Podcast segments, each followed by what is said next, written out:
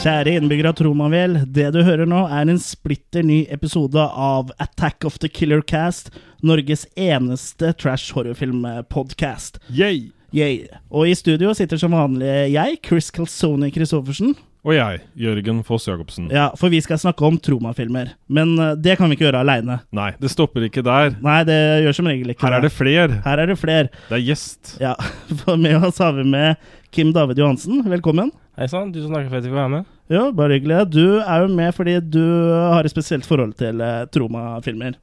Ja, jeg har vært stor fan siden jeg var liten. Siden den første gangen jeg leide Monster in the Closet. Eh, Skapulv, som han heter på norsk. Ja, det er veldig bra norsk tittel.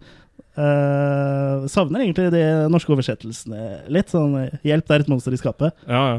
Men uh, du liker ikke bare å se på Troma-filmer. Du har jo også hatt uh, litt kontakt med Troma-sjef eh, Lloyd Kaufmann litt opp gjennom oppveksta di. Ja, det stemmer. Jeg, jeg sendte mye brev og ringte og plaga han veldig mye mellom Jeg tror det var 97 og 99. Ja.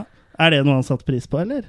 Eh, ja, han er ja, Han liker å snakke med fansa sine. Ja, jeg har noen- fått inntrykk av det. Det var noen ganger han var for opptatt til å snakke med meg. Da snakka jeg som stort sett med assistenten hans, som også eh, assisterende produsent på noen av filmene hans. eh, Patrick Cassidy het han. Ok, ja. Uh, du sendte brev og ringte og sånn, men det hendte at du sendte sjokolade eller undertøy og sånn? Um, jeg sendte den en gang på bursdagen hans, så hadde jeg laga en sånn um, Jeg vet ikke hva jeg skal kalle det. En plakett eh, laga på sløyden av tre, Wow. da, som jeg brant inn eh, akkurat som det skulle vært en TV-skjerm, da. Og Ja. i midten så var det et skjelett, da. Og så sto det jo knapper på TV-en 1, 2, 3, og så en stor knapp der det sto Troma på. Ja. Og i midten av den TV-en så sto det jo 'Happy Birthday Lloyd', da. Og Ja, han var veldig glad for den. ja. ja, han ble det, ja. Uh, Hendte at du fikk noe tilbake fra Lloyd, eller? Ja, um, Da fikk du kanskje truser og sjokolade. uh, ikke så heftige greier, dessverre. Nei, nei. Um, men ja, den første gangen han sendte brev til meg, som svarte på det første fanbrevet mitt, da, så Mm. sendte han meg en plakat av Class of Snukem High. Ikke gærent. Det er ikke det? Ja, det var veldig moro. Du er jo her for at vi skal snakke om eh, Trauma Entertainment, som er et amerikansk eh, uavhengig produksjons- og distribusjonsselskap, eh, som stort sett både produserer og distribuerer filmer innenfor eh, horror- eh, og exploitation-sjangeren. da. Men eh, eh, Kim David, hva er det som, eh, er, det som er, eh, kjennetegner en typisk uh, Troma-film? Det er vel eh, stort sett veldig over the top crazy humor, blanda med en god dose med blod og gore, og en god del pupper og lår. Ja, det er en del makis eh, der. Og, og humoren som du var litt inne på, er jo veldig sånn slapstick-orientert. Ja, og han er jo inspirert av Eller Lloyd Kaufman har jo sagt at han er veldig inspirert av de, eh, The Three Stooges. Mm. Og det er jo ganske tydelig i mye av slapstick-humoren som er i det egenproduserte, i hvert fall, Troma-filmene. Men vel... i, i de senere år så har de kanskje gått litt mer over på, på bæsj og tisse og promp enn eh, Veldig mye av det, ja. ja. Noen jeg, ganger kanskje litt for mye. Jeg mener jeg har hørt også at han var fan av Monty Python. Ja, det stemmer også. Ja, så Men det er jo liksom I hvert fall for egen del, da, sånn eh, med unntak av noen av trommafilmene fra nyere tid, så er det det som i hvert fall for meg gjør uh, Troma-filmene eh, spesielle. da, For det er eh, selv om det er mye barnslig humor og litt sånn eh, bæsj og dritt og piss og sånn, så har de jo Det, det, har, det har en sjarm, da, som, Ja. som jeg liker, liksom. det blir jo det.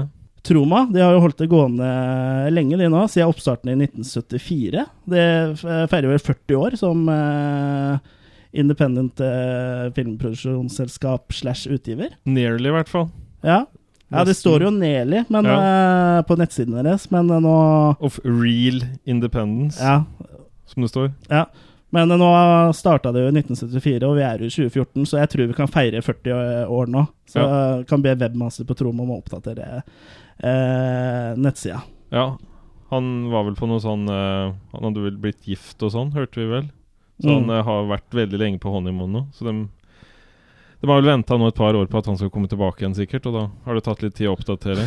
Ja, det er sikkert det. Ja. Men uh, Troma Entertainment, sånn som vi kjenner, kjenner det i dag eh, Det var jo noe helt annet i oppstarten, for da lagde de jo en helt annen type filmer. Da var det ikke horror som gjaldt. Nei, hva slags filmer var det da? Var det slapstick-komedier?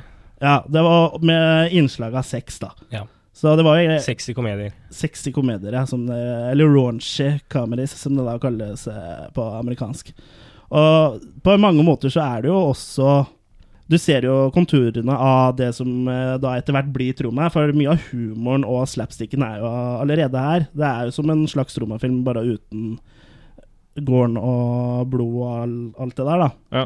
Det har ikke liksom modna seg helt enda, men man ser noen av trekka. Ja. Men uh, i toppen på Troma så har vi jo da to personer. Og det er Lloyd Kaufman og Michael Hertz Ja. Og de møtte jo hverandre uh, på på, Yale. Ja, de studerte sammen på Yale i slutten av 60-tallet. Men de var egentlig ikke noen sånn uh, særlig gode venner, etter det jeg har forstått. Kaufman hang egentlig mest med Hertz fordi han hadde pinballmaskin. Og eh, vice versa, fordi Lloyd Kaufman var den eneste som Han hadde eh, TV. Ja, han var den eneste Ja.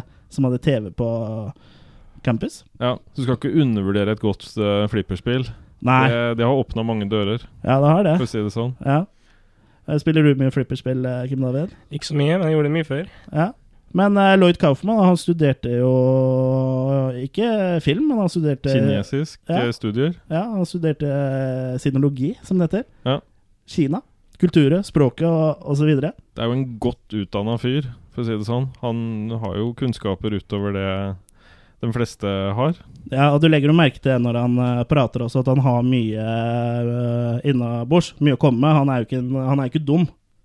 Han har, har mye å si, og det er jo tydelig at han eh, At han er en smart, oppegående fyr, da. Ja. Men interessen for film den kom jo relativt uh, seint for eh, Kaufmann. Det var jo først gjennom eh, en annen eh, venn som han studerte med, som het Edelstein, at pasjonen virkelig ble vekka. da. Ja. Og han regisserte vel mens han gikk på Yale sin første eh, spillefilm som heter eh, The Girl Who Returned. ja. Det er jo en svart-hvitt uh, stumfilm. Ja, så en uh, eksperimentell uh, svart-hvit eh, film. Ja. Det er ikke en film jeg har sett, jeg vet ikke om den eksisterer noe sted. Jeg har den faktisk. Ja, jeg, Har du det? Ja, jeg har ikke fått sett den, men Nei. den ligger hjemme i samlinga. Ja, jeg har sett litt på den, da. du har det. Ja. Men etter han var ferdig med utdannelsen sin, da, så begynte han ikke å jobbe med noe kinesisk, holdt jeg på å si. Han begynte ikke å lage kinamat, men han begynte å jobbe for Cannon Films. Og det, det er jo et eh, navn som absolutt bør ringe noen bjeller for mange av våre lyttere. Og hva, eh, hva gjorde han i, i Cannon Films, eh, Kim David? Ja, han møtte John G. Avilson der, som mesteparten kjenner sikkert fra Rocky og Karate Kid. Ja, han har regissert de filmene. Mm. Etter det jeg har forstått, så er faktisk Rocky klippa hos Troma. Det stemmer. På flatbed-maskinen Ja. Jeg deres. aner ikke hva det er, men Nei, det er på en måte sånn et bord hvor du da har filmruller som du da spoler fra den ene rullen til den andre, og så tar du og klipper. ok. Så, og så har du en liten monitor som det vises på, da. Så det er jo en svær klippemaskin, rett og slett. ok. Kom det ikke til rette noen sånne ting han hadde eh, som har blitt eh, gitt ut noe i, Eller skal bli gitt ut nå i seinere tid, som var fra Rocky? Som ikke tidligere har blitt eh, publisert? Jeg mener han har funnet noe sånn eh, Ja, det kan godt hende. Det Ja. vet jeg ikke. Det mener jeg Det høres faktisk litt kjent ut, det der. Ja. Da kan jo de som vet noe om det, kanskje kommentere på Facebook-sida vår. Ja. Ja. Uh, men eh, de, de samarbeida jo en del, de, de to der. Uh, John og Lloyd. Og på flere lavbudsjettfilmer, som annet eh, Joe og Cry Uncle. Men uh, det var først når den lesbiske thrilleren eh, Sugar Cookies eh, kom, som Lloyd Kaufman hadde skrevet, og som Oliver Stone hadde regissert, at uh, Troma-toget begynte å rulle. Ja. For etter å ha vært uh, på kino med kjæresten sin, så hadde jo Michael Hers eh, blitt såpass imponert at han ringte Lloyd Kaufman og, og ville ha, gjøre noe sammen, da. Ja. Og the rest is history, Ja. som han sier. Da sparka høna i gang. Da sparka Tromahøna i gang. Ja. For uh, sammen så stifta jo de da to etter hvert uh, Trauma Entertainment. Og som vi var inne på så litt tidligere, så var det jo ikke var det ikke horrorsjangeren de konsentrerte seg om, men det var uh, sexkomedier. eh, Ja, med sånn. innslag av makis og breast and ties. Slap-makis. Da sa jeg både makis og breasts, men uh, Det, Det har vi snakka om før, Chris. det har vi om før. Ja. Men det sammenfatter jo egentlig ganske godt eh, hva filmene handler om, da. Ja. Og det var jo filmer da som Squeeze Play, Stuck on You, The First Turn On og Waitress, som vi skal snakke litt om nå. Greetings from Tromaville. This is Lloyd Kaufman, president of Troma Entertainment and creator of the Toxic Avenger. You know, folks, when we're not uh, making those great movies like Tromeo and Juliet, Class of Nukem High, and the incredible Return to Nukem High Volumes 1 and Volumes 2, the Troma team and I like to kick back and, and listen to Attack of the Killer Cast. Attack of the Killer Cast is the best entertainment and education that a body can have. Thank you. Waitress. The menu has music And and Sun romance. goes down and we get the heat. Now it's all time we look for a place to meet. Well, I can get it anyway. you Waitress is a want love story that will warm you it. Get it and electrify you. Come see the film that's packing them in all over the country.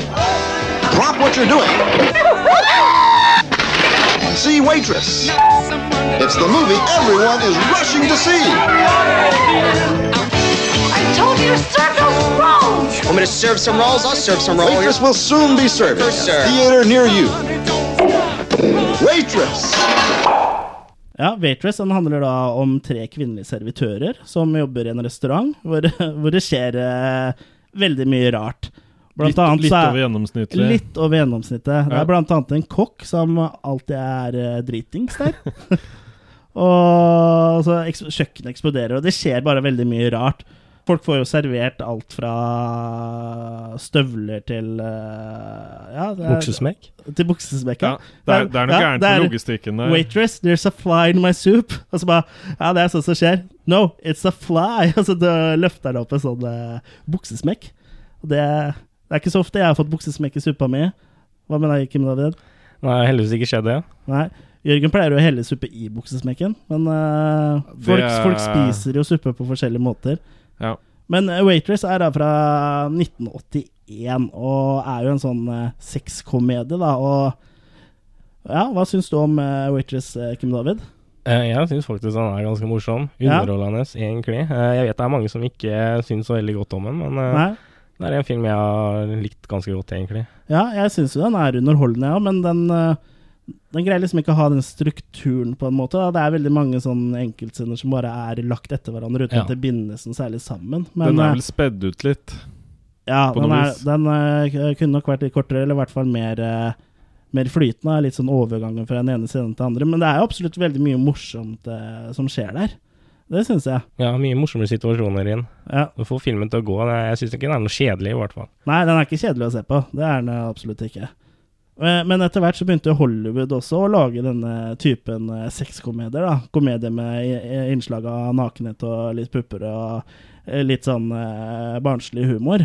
Og med filmer som Animal House og Jeg tror Meatballs er vel en film som heter. Ja, så ble jo liksom det en greie der, og de hadde jo liksom ti ganger budsjettet som Troma hadde, og ekte skuespillere og sånn, som eh, Lloyd sier, så Da måtte Troma tenke litt nytt. ja, da måtte de tenke litt nytt. Og da ble det vel sagt at eh, horror is dead. Ja, for de kom over en artikkel i en avis hvor det sto med store bokstaver 'Horror is dead'! utropstegn. Ja. Og dermed var Troma som vi kjenner det, født. For de liker å gå imot det som er Hollywood. Og da tenkte de Da ja, hvis eh, horror er dødt, ja, da kan jo vi lage horrorfilmer, da. Ja. Og det var jo på bakgrunn av det her vi fikk stifta for aller første gang bekjentskap med The Toxic Avenger. Meet little Melvin. He's a 90 pound weakling. Everyone hated Melvin. I'm gonna take this mop and shove it down your throat. They teased him. I'm gonna do it with you. Okay. They taunted him. They tormented him until he had a horrifying accident and fell into a vat of nuclear waste. Transforming little Melvin into a hideously deformed creature of superhuman size and strength. Melvin became the Toxic Avenger. The first superhero born out of nuclear waste. Yes, the muggers and the rapists didn't know what law and order was until the Toxic Avenger came to town. Holy shit! I don't know what it was, but it saved my life. For incredible explosive action, you must see the Toxic Avenger. He's a different kind of hero.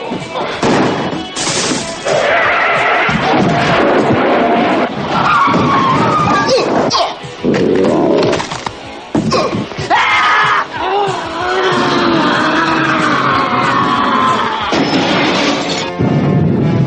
Toxic Avenger is coming to your town. Look out! I 1984 kom altså filmen om den usannsynlige superhelten Toxic Avenger. eh, Den første superhelten fra New Jersey. Og The Toxic Avenger er kanskje også den uh, Troma-filmen som er kjent for folk flest. Ja, er går for å være den største filmen deres. Sånn. Ja, den uh, opplevde jo å, å bli en sånn mainstream-hit, og det skal jeg snakke om eh, litt senere. Men uh, folk som ikke aner hva Troma er, har jo ofte hørt om uh, The Toxic Avenger. Ja, det er, det er vel en av de første filmene man tenker på Nå- hvis man kjenner til Troma, Ja. vil jeg si. Mm. Og The Toxic Avenger handler da om den nerdete Melvin Furr III, som eh, blir spilt av Mark uh, Torgel. Eh, han òg er jo litt av en, eh, litt av en type. Uh, liksom Ganske eh, håpløs fyr. Ja, ganske håpløs fyr uh, med masse rødt hår og eh, store tenner og sånn. Uh, han jobber da som rengjøringshjelp på det lokale treningssenteret Tromawill Health Club. Og han blir da pusha, pusha rundt av en gjeng med pøbler. Det er jo ingen som liker han Nei. i hele tatt. Og um, ja, han, han gjør ikke det beste inntrykket på noen, vil jeg si. Nei. Og han er jo et så, sånn klassisk mobbeoffer, da. Og det hele topper seg en dag da de lurer uh, Melvin til å kysse en sau eh, mens han er ikledd i en uh, tutu. Han tror jo da han kysser, uh, kysser dame, men det, det gjør han ikke. Nei. Jeg hørte at den sauen var faktisk eh, full av lus når, under den innspillinga. Ja, han, eh, han har jo sagt at han og Mark Torgel eh, på faktisk ekstramateriale på den eh, nye Blu-ray-utgivelsen av The Toxic Avenger, så sier han jo at den var full av lus og larver og fluer og dritt. Og, så han ville jo ikke kysse sauen. Mens Lloyd uh, sa jo liksom 'kyss den jævla sauen', 'kyss sauen', ta og stikk tunga di ned i halsen på den og klin skikkelig klin med den. Og da, ja, og da hadde jo da Mark sagt at uh, 'jeg skjønner ikke helt hva du mener, kan du ikke vise meg?' Og Lloyd gjorde jo ikke det, da. Så det ble jo til sånn som du ser i filmen, at han bare klemmer den litt mens han lager litt kyssemunn. Det funker jo. Ja, det funker jo, for det er jo morsomt. Ja. Og når de da slår på lyset, og, og Melvin oppdager at det er fullt av folk rundt her som står og ler, så gjør han jo det alle ville gjort i en sånn situasjon. Og det er jo å løpe og hoppe ut av vinduet. Ja. Det er jo ofte en naturlig reaksjon. Hvor er nærmeste vindu?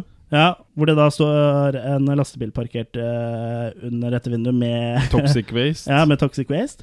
Så lille Melvin havner jo oppi der, og muteres og blir eh, The Toxic Avenger. Toxic blant venner. Ja. Og det som er litt eh, interessant, det er at eh, filmen eh, Eller ingen av skuespillerne ingen som, Det var jo ikke bestemt at han skulle hete Toxic Avenger. Nei, Det monsteret som han blir til. nei, Så det, det var Og de går jo bare seinere ut i filmen også med T-skjorte hvor det bare står 'I love the monster'. ja. Eller Monster Hero, var det ikke det også? Ja. ja. Ja. Så det, det er litt sånn interessant detalj, da. At de visste ikke hva de skulle kalle den, unntatt den som på en måte er fortellerstemmen. ja. Ja, Den som kommenterer på det. Ikke sant? Og proppfull av tromatoner, da, som reagerer på ondskap. Akkurat som eh, Spiderman har Spider-Sense, så har uh, Toxi tromatoner. eh, som da reagerer når han er i nærheten av ondskap. Og han tar, uh, gjør det da til sin oppgave å rydde opp i Tromawell og- med mopp. Og kvitter seg med korrupte politikere og kriminalitet. Men uh, hva syns, uh, syns eh, dere om uh, The Toxic Venture, da? Kim? Ja, jeg elsker den. Det er jo definitivt en av de beste Troma-filmene. Det er enig, det er en av mine favoritter også. Den har liksom Den har riktig dose med sjarm, og så er det liksom en god balanse da mellom trash, trash humor og gården der, liksom. Mm. Det, du blir ikke for mye sånn uh, bæsjeslapstick. Og Nei, jeg syns den funker veldig bra, altså. God historie. Mye bra musikk også. Er mye bra musikk og en god historie. Og ja, det er en av mine favoritter, egentlig, blant eh, Troma-filmene. Jeg også liker den eh, godt, og føler at eh, jeg får såpass sympati med, med Melvin, som da blir da det monsteret her, og Ja. måten han da klarer på en måte å ta hevn igjen, eller han hevner Ja, han klarer å på en måte få tatt de han tidligere ikke klarte å motarbeide, da. Jeg, Ja. jeg får litt sånn Gummitarsan-tanke her. Ja, ikke sant? Så Ja, ja, det at han klarer å slå tilbake. ja, alt ordner seg på en måte for Melvin etter han blir eh, mutert. Han får seg jo til og med dame. Mm. Stemmer. Hun, hun blinde. Ja, hun er blind. Hun blinde Merra. Ja. Ja. Og der, der er det jo mye eh, morsomt, egentlig. Og de har jo også en sexscene i filmen, som eh, i den japanske utgaven har de eh, dratt litt lenger. Ja, det stemmer det. Det er en litt annen versjon der hvor den eh, Når de har sex, så er det jo sånn montasje, eller montasje som spilles der hvor du ser klipp fra det vi har sett tidligere i filmen. Og når det begynner å nærme seg slutten, så starter den montasjen på nytt igjen. Ja, Og det var en god del lengre enn en theatrical-utgaven, i hvert fall. ja. Det er vel den låta her som uh, spiller sterke. This Is Love. Stemmer det.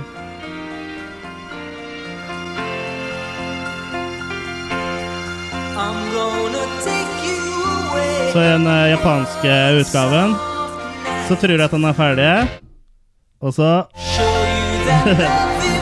Og det, det er veldig morsomt, den japanske utgaven, for eh, den måten musikken stopper på, det er, det, er ikke, det er liksom ikke Det er veldig brått, det er ikke noe fade eller noe. Det er liksom, Du hører nesten klipper i musikken. Så det Skal bare kutte Ja, det bare kutter. Ja. Så liksom, Ja, ja, da var den ferdig, og så I'm gonna make no mistake. Men det er en ganske bra låt, syns jeg. Eh, Den, eh, du var jo litt inne på det i stad, Kim David, at eh, det er mye bra musikk i filmen. Ja, uh, en av favorittene mine heter Workout, som faktisk er uh, laga av André Miranda, som hun som spiller Sarah i denne filmen her. Ja, stemmer. Den har dessverre aldri blitt gitt ut. Jeg har uh, gjort en del for å prøve å få tak i den, spurt både Lloyd og uh, André Miranda, men uh, ikke noe hell, dessverre. Nei, det er utrolig rart at den ikke eksisterer. Den må jo eksistere ett sted. Den eksisterer jo selvfølgelig i filmen, men eh, der er den jo som soundtrack, og det er jo lyd eh, og tale over, så Ja, dessverre. dessverre. Det har aldri vært planer om å gi ut noe sånn soundtrack. Uh... De hadde nok gjort det nå, ja. eller hvis den hadde kommet et par eh, år senere, men jeg tror ikke de tenkte så langt. Nei. For Newcom High har jo soundtrack, så vidt jeg har fått med meg. Ja. De kunne jo bøndla det med en sånn special edition etter hvert. da Ja, men når innspillingen ikke eksisterer, så Da er det verre. Ja. En, en annen ting da, eh, som også jeg syns er så morsomt i eh, egentlig alle Troma-filmene, men også eh, spesielt i Toxic Adventure, da, er jo at eh, de som er onde, de er så veldig onde. Det er liksom ikke noe det er ikke noe mellomting her, liksom. Sånn som han eh, ordføreren, han svære, feite ordføreren i filmen, da, som bare ligger og ler og spiser eh, sandwicher og sånn. Og så har vi også den eh, gjengen da, som eh, mobber eh, Melvin. Bosa og Slug. Ja, så, som eh, har en sånn liten konkurranse gående. eh, hvor de da får poeng etter, ettersom eh, hvem de kjører over med bilen sin. Veldig bra scene. Ja, Det er faktisk, etter min mening, en av de beste scenene noen gang i en Troma-film. ja, Og valget av musikk også under den scenen der er rett og slett genialt. Jeg har en teori på at um, Eller jeg vet Tarantino, Quentin Tarantino har jo vært stor fan av Troma. mm, Og mm, jeg har en teori på at uh, han tok uh, et lite Skal jeg si litt tips eller noe sånt fra den filmen når han lager Reservoir Dogs. Oh, ja, uh, den, under den scena der hvor Michael Maxon, Ma, unnskyld, Michael Madsens karakter torturerer en politimann, Ja. mens sangen 'Stuck on You' spilles i bakgrunnen. ja, ikke sant? Ja, ja det kan jo, kan jo minne, minne litt om det, ja. Ja, For Tarantino er jo fan av Troma. Ja, han er fan av Troma, Mm. og han gir jo ofte litt tips til Lloyd Kaufman òg. Det er blant annet uh, han som tipsa Lloyd Kaufman om å dele opp den nye Nukem High-filmen i to. da. Oh, ja. Så det er The Return to Nukem High, som da er i volum 1, som har kommet, og volum 2, som da kommer uh, forhåpentligvis snart. Ja. Men eh, litt tilbake til denne eh, konkurransen, eh, Kim David, hvor de da får poeng etter som de kjører over gamle damer og barn og sånn. Mhm. Så har de jo sett seg ut et offer her. Ja, Skippy. Skippy, ja. Ja, for han eh, er jo, skal ut på sykkeltur og får jo da beskjed fra søstera si om å huske på å ta på deg hjelmen. Og da han er jo ute og sykler, og så kommer da denne gjengen og kjører forbi han og, og vinker litt og sånn. Men uh, så snur de for å kjøre over uh, Skippy, da. Og da kjører de på han sånn som han flyr over panseret. Og så stopper de, og så rygger de over hodet hans, så ser uh, hodet hans Ja. bli knust. Ja. Det Ja. er litt interessant eh, måten de rigga det hodet på. da. Ja, der var det jo typisk eh, den eh, mest klassiske troma-effekten, og det er jo da Ja, det er jo å bruke en melon. Melon med parykk, var det ikke det? Melon med parykk, og så er- ifølge, Maissyre på rød ja, og ifølge Lloyd Kaufman så er det også veldig viktig å tegne et smiley-fjes på den. Ja. Ja. Men det ser jo brutalt ut. Man ja, så er det jo ikke- det er klippa riktig, liksom, og sånn, så det ser, det ser veldig bra ut. ja. Det, det gjør det. De fikk jo en del reaksjoner fra vegetarianere og sånn, da, som ikke likte det her. Ja, at, de, at de drepte meloner eh, på film. Det, Ja. var, det var en snøff-film. Ja. Ja. Så de, de tok jo det her litt hardt, men ja, ikke sant. det roa seg igjen. Ja, det gjorde det. En av dem i den uh, mobbegjengen, eh, som han som spiller Slug, heter eh, Robert Pritchard. Han gifta seg faktisk med hun ene dama i den gruppa, eh, som heter Wanda i filmen. Ja, Jennifer stemmer. Baptiste, heter hun. Ja. De har visst gift ganske lenge også. Ja, så der ser du, der ble det jo uh, meg kjærlighet på Toxic Avenger. Ikke verst. Det er, det er ikke gærent. Det er ikke gærent i det hele tatt. Det var nok bare ett av mange. Ja, sannsynligvis. Det er jo, det er jo mye kjærlighet i filmen her. I hvert fall sånn uh, nakenkjærlighet. Han Bozo, han, eh, en av de pøblene, han har et eh, I dag så driver han et foretak som driver med underholdning for barn, eh, blant annet med klovner, magi og dykker. Og han spiller faktisk en klovn selv, Ja, så Bozo ble en klovn til slutt. ja, så Bozo ble Bozo. Ja. Bozo er fortsatt Bozo.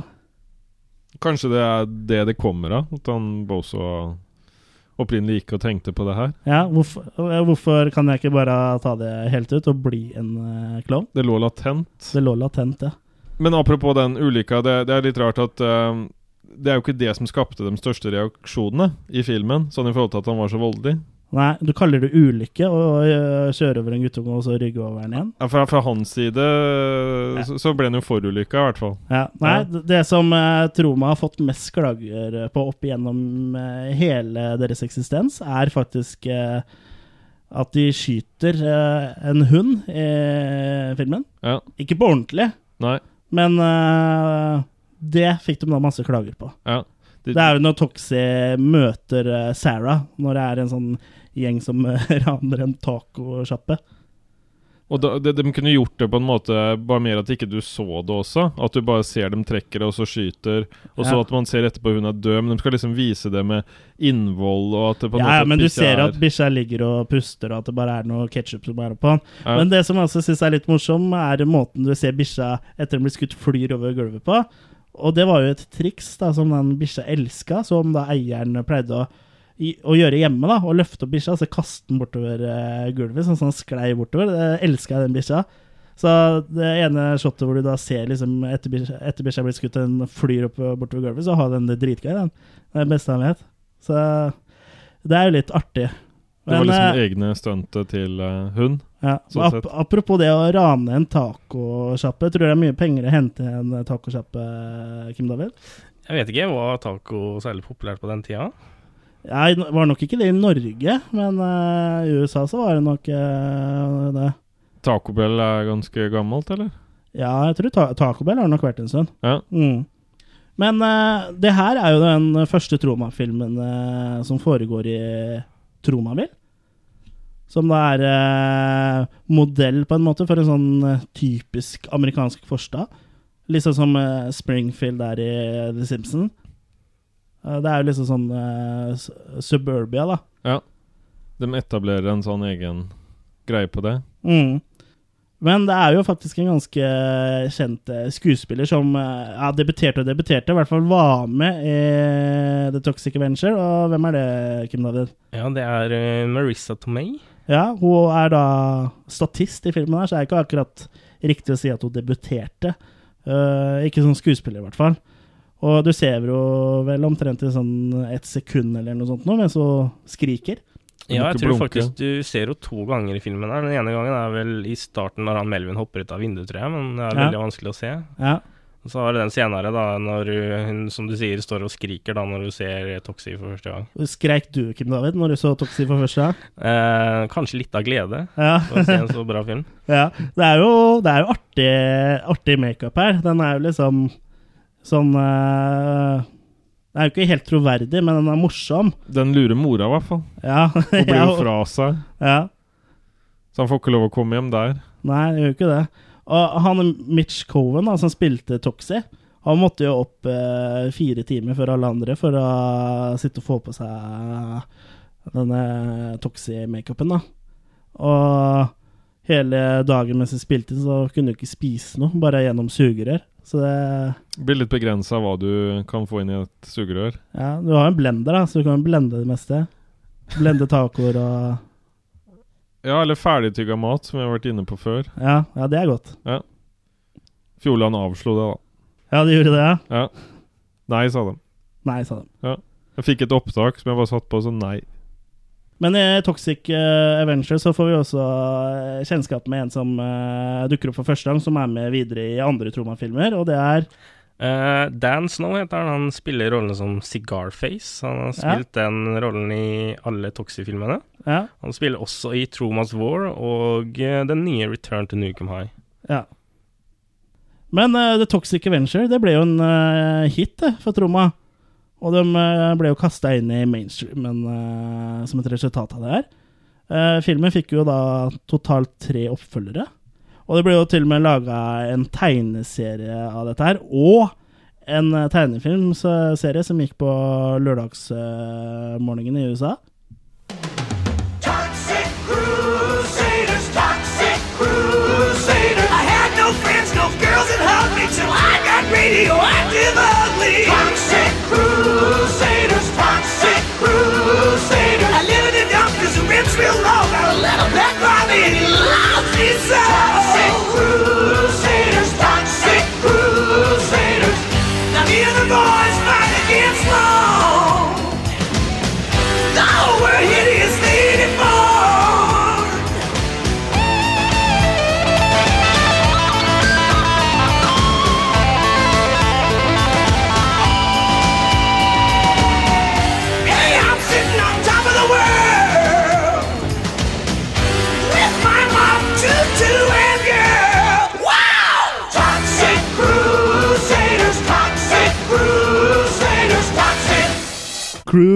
Crusaders Toxic. Det er, om ikke annet så er det i hvert fall en veldig fengende temalåt, syns jeg. Absolutt. Så du noe særlig på The Toxic Crusaders, eh, du eller Kim David? Jeg, jeg så vel noe av det, men jeg husker at jeg, jeg leste faktisk noen av tegneseriene, for de var jo tilgjengelige i. Norge. Ja, ja. Stemmer det, den ble jo gitt ut på norsk. Jeg husker jeg også leste tegneseriene, og så så jeg også uh, The Toxic Crusaders, tror jeg gikk eh, på The Children's Channel eller noe sånt nå. Jeg husker ikke om det gikk på norske kanaler, men eh, jeg husker at jeg så på det i hvert fall. Da. Det var jo lenge før jeg egentlig visste hva Troma var, sånn særlig for min del. Det er ikke Mm, alle som uh, starta like tidlig som deg, holdt jeg på å si, med Troma.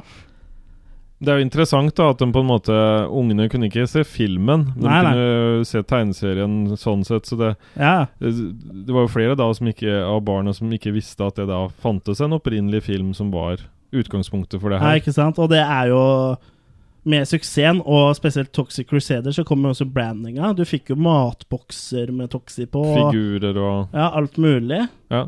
Synd ikke de kunne ridd litt mer på den merchandise-bølgen der. At de fortsatte å kunne tjene igjen på det. Ja, Det er jo ikke sikkert de tjente så mye på det heller.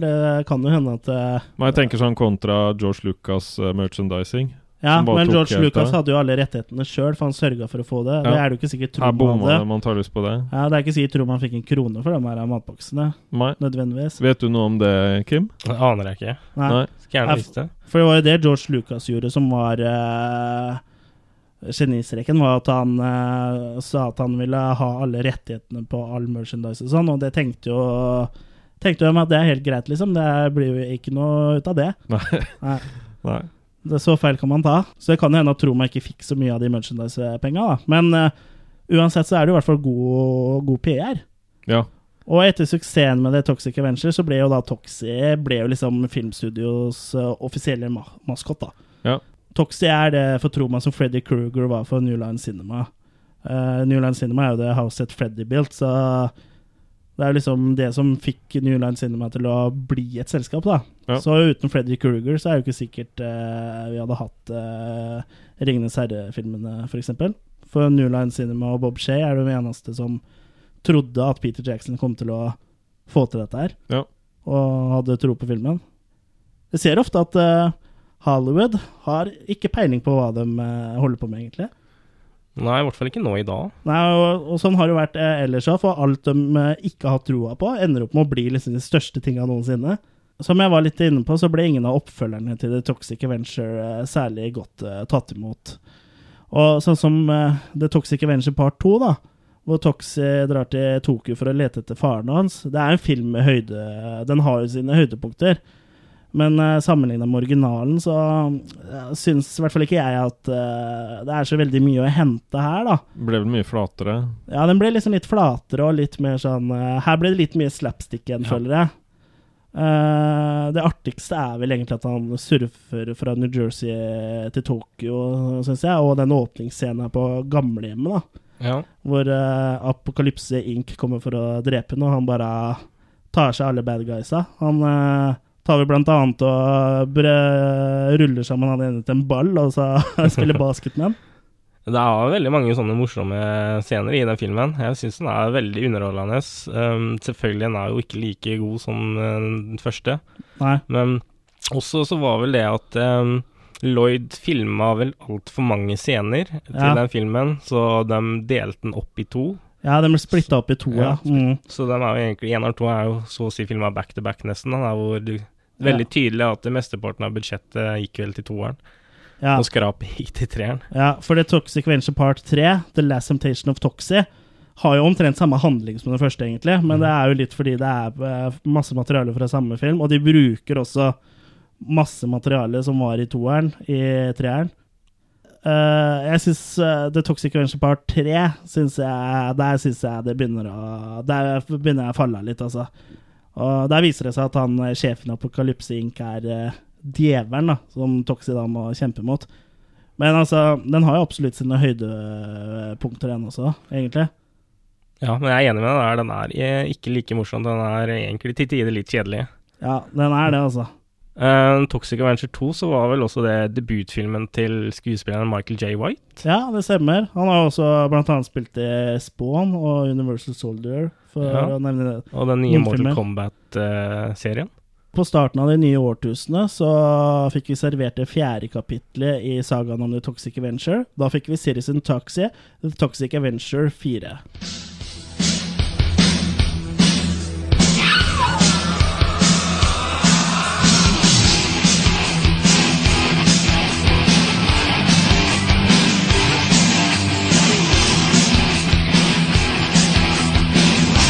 Hey, this is Trent Haga, director of Chop and screenwriter of Dead Girl, Cheap Thrills, and Citizen Toxie, and you're listening to Attack of the Killer Cast.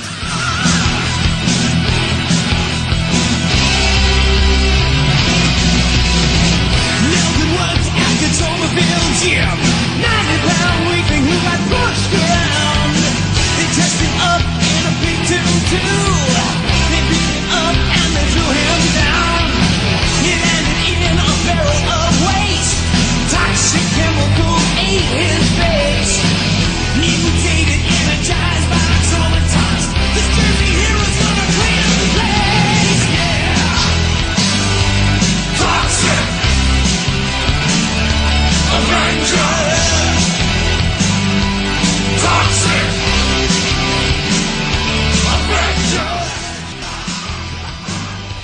Ja, Toxi 4, skrevet av eh, Trent Haga.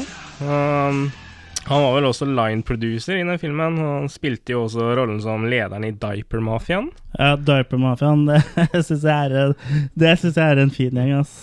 Trent Haga har jo blitt rimelig anerkjent nå i senere tid. Han uh, skrev filmer som Dead Girl og Cheap Trills. Ja. Han har også regissert uh, sin første film, Chop, som, uh, med Will Keenan i hovedrollen, som uh, sikkert de fleste kjenner fra Tromeo og Julie. Han spilte jo Tromeo der.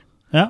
ja, litt av det Sirius Toxi handler om, da, er at etter, etter et oppgjør med den kriminelle gruppa som du nevnte, Diaper Mafia, på Tromaville School for the Very Special, så bringer det en eksplosjon, Toxi, over til en alternativ dimensjon, da, hvor alt er motsatt av det det er i Tromavil.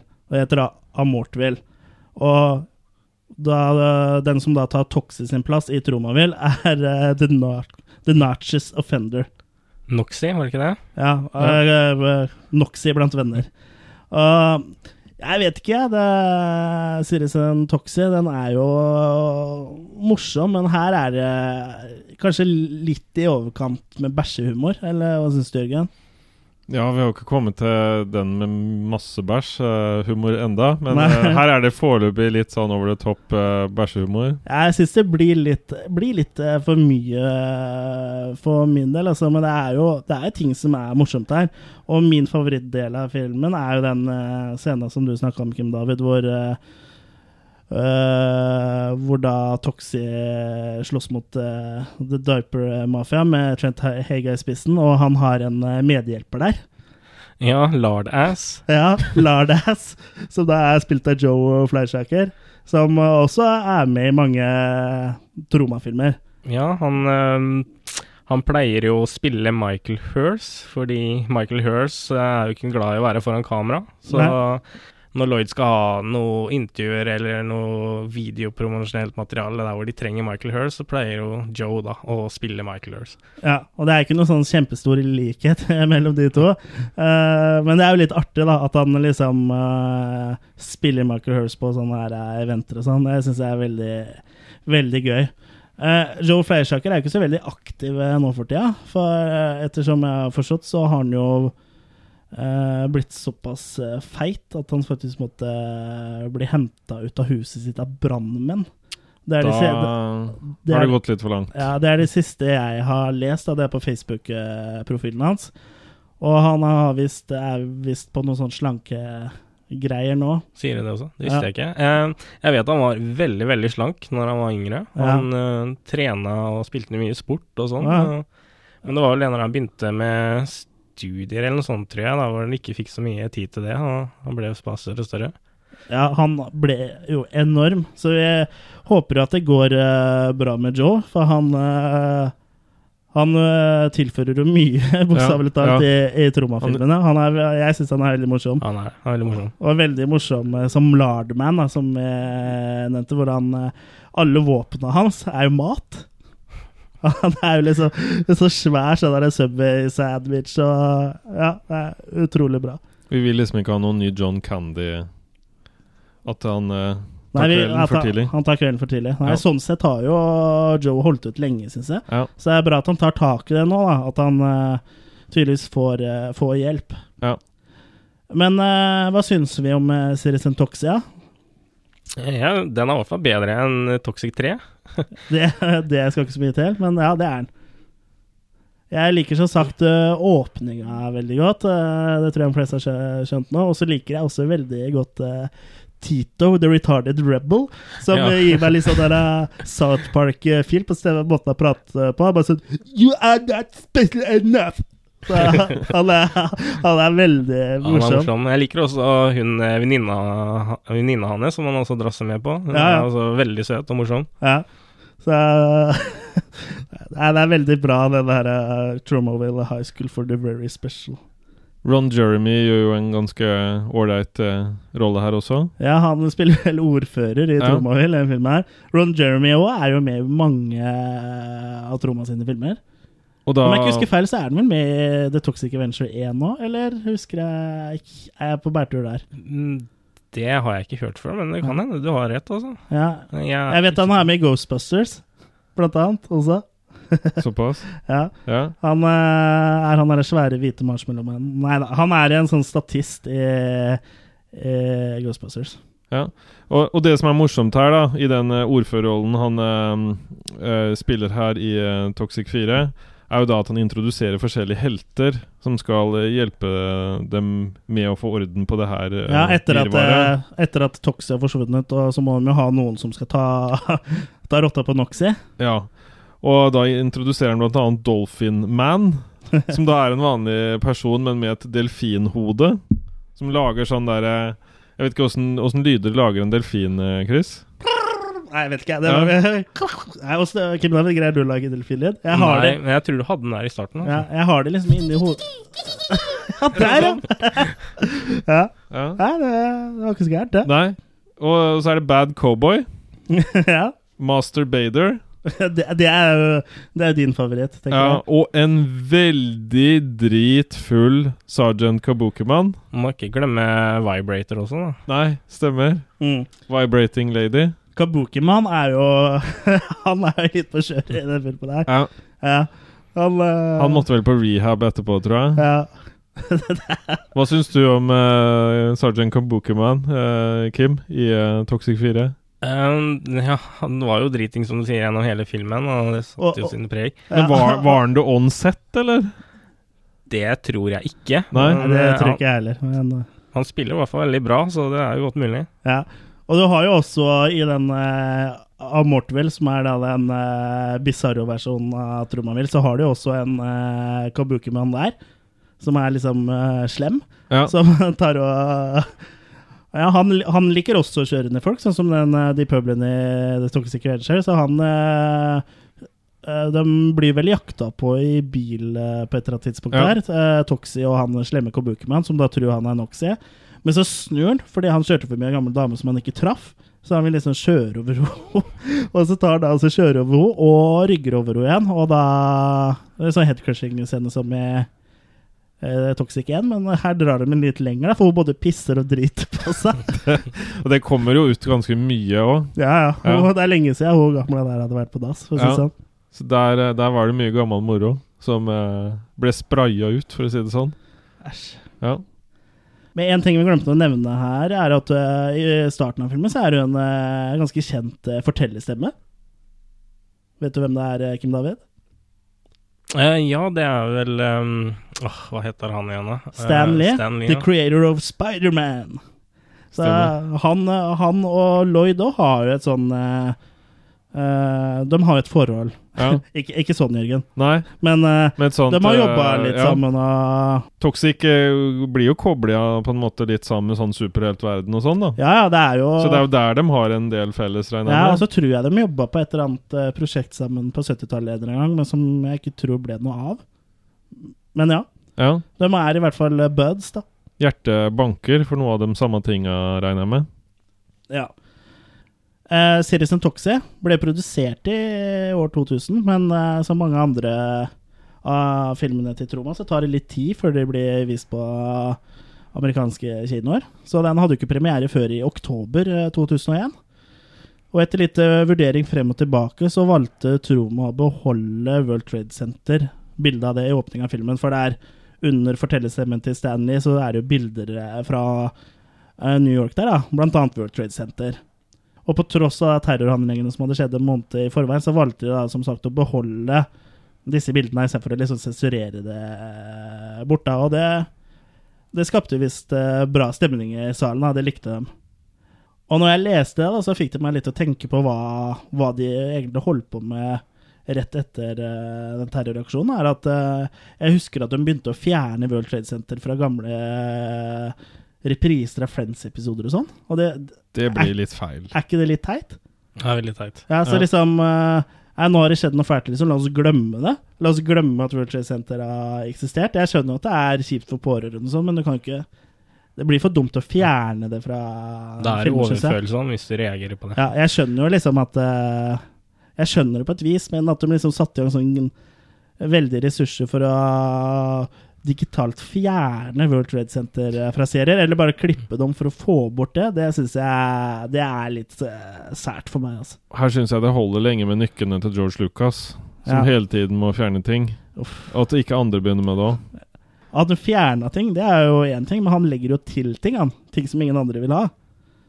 Bare eh, sånn la oss, la oss legge George Lucas på hylla. Han, han har sagt fra seg Star Wars og gitt det til forhåpentligvis mer kompetente hender enn eh, sine egne. Ja. Men eh, Mark Torgall, han nå dukker opp igjen i Citizen Toxie.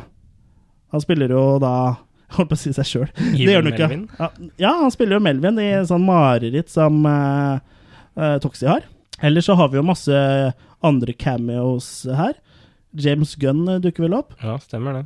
Og så har vi jo Lemmy er jo med. Og President Lemmy. Ja, med vortene sine. Og så Eli Roth eh, dukker opp også. Eiley Roth eh, også er jo stor Troma-fan, og har jo sett angivelig Mother's Day 200 ganger. Såpass, ja. Ja. ja. Enn så lenge har vi fått fire filmer eh, med vår gode venn eh, Toxie. Og onkel Lloyd har visst eh, nok jobbet i mange år med manuset til femmeren, som da har den fengende tittelen Toxic Twins. The Toxic Adventure 5. Men, eh, Men er det lurt, tenker jeg, å lage enda en film av den? Ja, hvorfor ikke? Eh, Det kan jo ikke bli dårligere enn treeren. Eh, men ifølge eh, det Lloyd Coffman sier sjøl, så har han fortsatt ikke kommet opp med et manus som ikke suger. Så, så han venter jo i hvert fall til han har fått skrevet eh, Eller satt sammen et manus som ikke suger, da. Jeg vet hva vi gjør. Vi sender inn et uh, manus. Ja, det, skal, det bør vi gjøre. Og tittelen her, da, 'Toxic Twins', det er da at han har barn i denne oppfølgeren. Ja, han har tvillinger. Ja. Og noe av innspillinga skal visstnok etter planen legges til eh, Tsjernobyl, Ok. som da er i Ukraina. Og det er jo litt spenninger i Ukraina, så det blir litt spennende å se hvordan et uh, lite lavbudsjett uh, filmcrew skal, fra USA skal komme ned til Ukraina. og Det kan uh, bli litt mye naturlig gore Mm. og blod. Ja, det kan jo bli det. Men det er lykke til. Og samtidig som det her pågår, så har det vært snakk om en remake av The Toxic Avenger, som Troma da ikke skal være involvert i. Men Kaufmann har visst gitt sin eh, blessing da, til prosjektet. Og det blir da en sånn PG-13-versjon. Uh, hva tenker vi om det? Det, skal bli spennende det, å se en ny uh, høyt budsjett uh, Toxic Avenger-film, men jeg er Er det noe du vil se? Føler du? Ja. Ja, du har lyst til å se det? Jeg har lyst til å se det, men jeg blir veldig i tvil når jeg hører at det skal være PG-13. Dette er jo Ja. tross alt en Men eh, voksne. det jeg tenker uh, PG-13 betyr, er at det blir ikke så mye pupper. For det hadde jo vært R-rated med en gang. Men uh, jeg tror vi får nok vold, for vold og sånn er jo ikke så farlige filmer. Det er verre med pupper borti etter sensureringa i USA, da. Han som etter ryktene skal regissere denne rebooten, er da Steve Pink. Og han har laga annet Hot Tub Time Machine. Har noen av dere sett den? Aldri Ja, hørt eller sett. Ja, den er jo for øvrig en ganske artig film, for det er jo et sånn her eh, En jacuzzi, som en hottub, altså, som blir en tidsmaskin, for du søler noe sånn energidrikk opp igjen, og så blir det brakt tilbake. Og Ja, riktig. han ene ender opp med nesten med å bli faren til seg sjøl, eller noe sånt Nå. Jeg husker ikke helt. Men uh, den er ganske artig. Men uh, det, tror du at uh, Steve Pink er rette mann til å lage en remake av The Toxic Adventure eh, Kim David? Eh, På bakgrunn av det du har sett i Hot Tub Time Machine?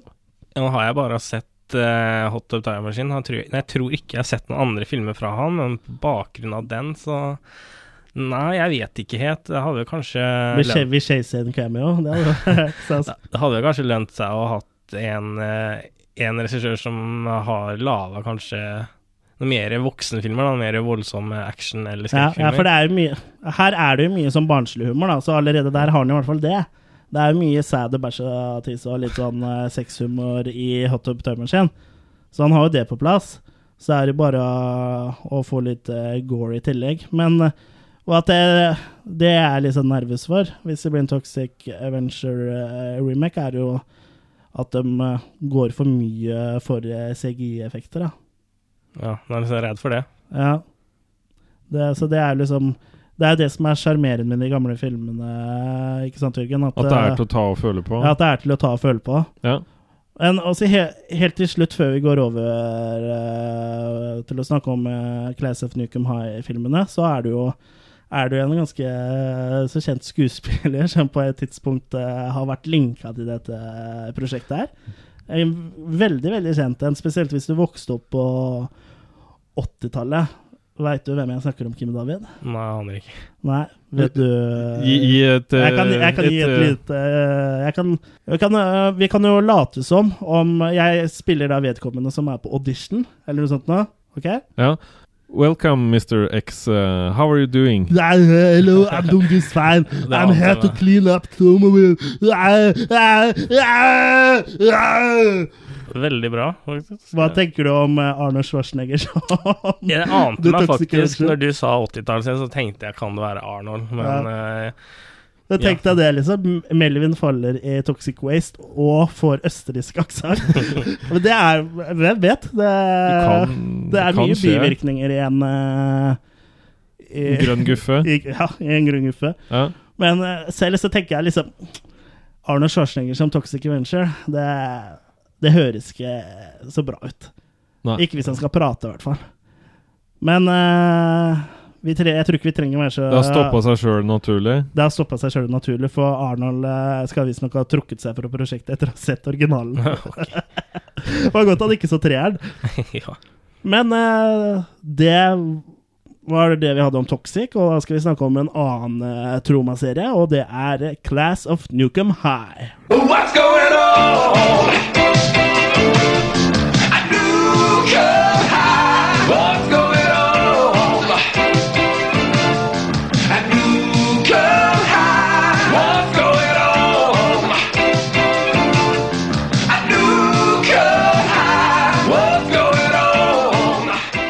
Class of Nukem High utspiller seg på Tromaville High School, som ligger plassert rett ved et uh, atomkraftverk. Og på denne skolen altså, er det en gjeng, The Cretins, eller The Cretins, som uh, styrer skolen. Og de selger, selger narkotika og lager stort sett leven, da. Og der også møter vi noen, eh, noen vi har sett før, Kim David. Ja, det er jo um, Robert Pritchard og Gary Schneider som dere kjenner igjen som Bozo og Slug fra The Toxic Avenger. Ja, han eh, som da spiller uh, sjefen på dette kjernekraftverket, er jo også en, uh, en vi har sett før. Ja, Pat Ryan som spilte borgermesteren i Toxic Avenger igjen. Ja. Og han spiller også i en annen film som ikke er en tromafilm, men den heter Street Trash. Som egentlig skulle være en tromafilm. Ja.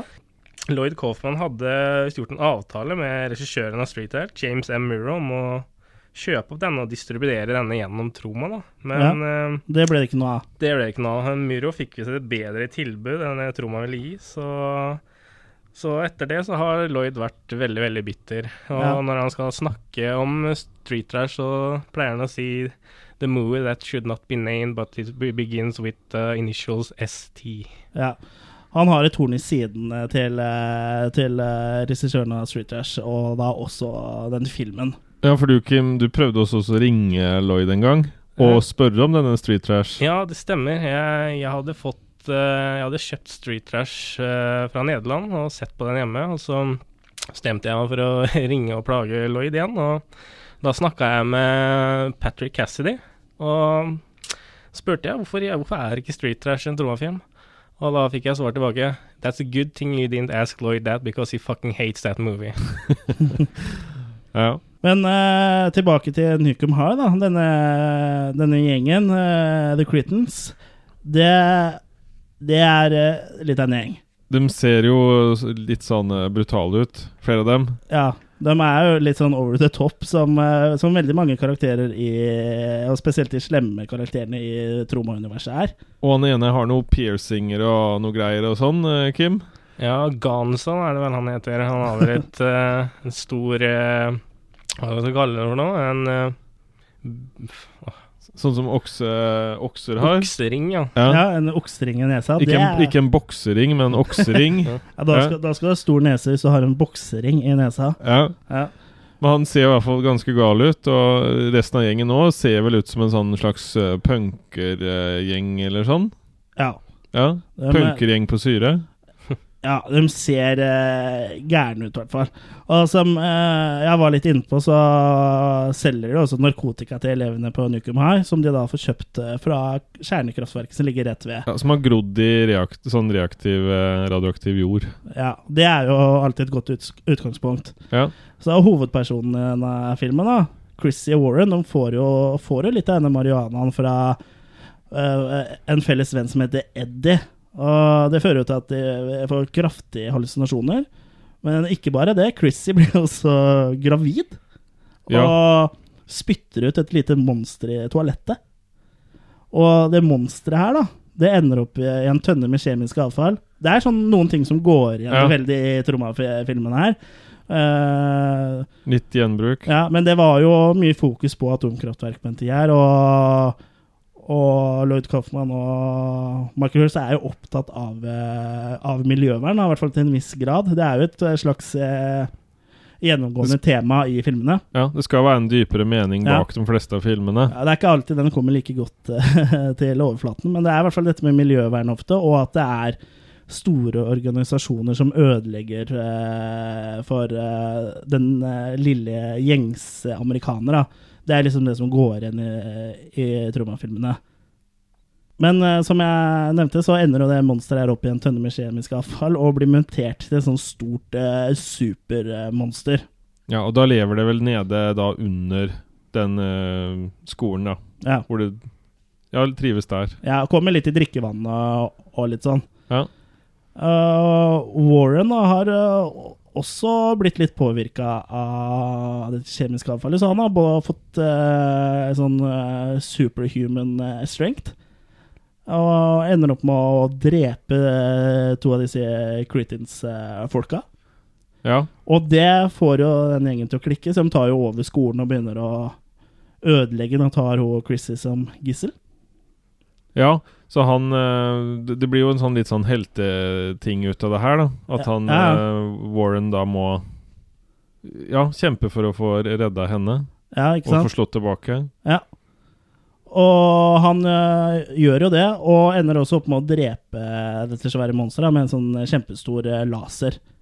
Og en bivirkning av det er jo også at hele skolen går jo til helvete og eksploderer. Laser er jo noe også som var i den Toxic 4. At han læreren viser fram en sånn laser. Det er liksom en sånn ting Ja, også, faktisk, som går igjen. Det er faktisk den samme laseren. Ja. For det også er jo en greie, Kim David, øh, med Troma-filmen, er at de bruker jo ofte veldig mange øh, Props. ting, props og sånn, på nytt igjen. Og ikke bare props, men klipp også. Ja. Men uh, gjenbruk, det er igjen en miljøvennlig greie til Troma. Ja, ja. Det er mye vi har, gjenbruk, ja. Det er mye gjenbruk. Og, av eh, props og masker og Filmscener. Og filmscener. Det kommer vi litt tilbake på etterpå når vi snakker om uh, Kabukiman. Men uh, vi snakka litt om uh, tidligere i podkasten at Joe uh, Fleischaker pleier å spille Michael Hurst, Men uh, i starten, eller ganske tidlig i Class of Nukem High, så ser vi faktisk Michael Hers. Ja, det stemmer det. Eh, Når han eh, hopper ut av vinduet og smelter på bakken, så ser vi et lite klipp av Michael Hur som står der. Ja, han kommer mot han som sjokkert, ja. Ja. Det er da Dewey som eh, hopper ut av ja. vinduet etter å ha drukket det radioaktive vannet. Det er også en ting som går igjen her. da. Hoppe Ja. ut av vinduet når det har skjedd et eller annet.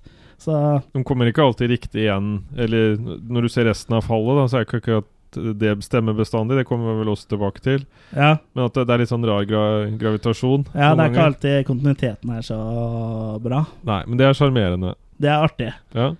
Det er jo også en liten referanse til uh, en av de store inspirasjonskildene til uh, Lloyd Kaufman i filmen her. For uh, når Chris drar til sykehuset i filmen, så kan man høre over callinganlegget at de roper etter Dr. Howard, Dr. Fine og Dr. Howard, som da er navn som eh, Mo, Larry og Curly i The Three Stooges har brukt eh, i noen av episodene deres, da. Stemmer det. Men uh, hva, uh, Nukem High, da. Hva syns du om uh, Class of Nukem High? Hva syns du om den, Kim David?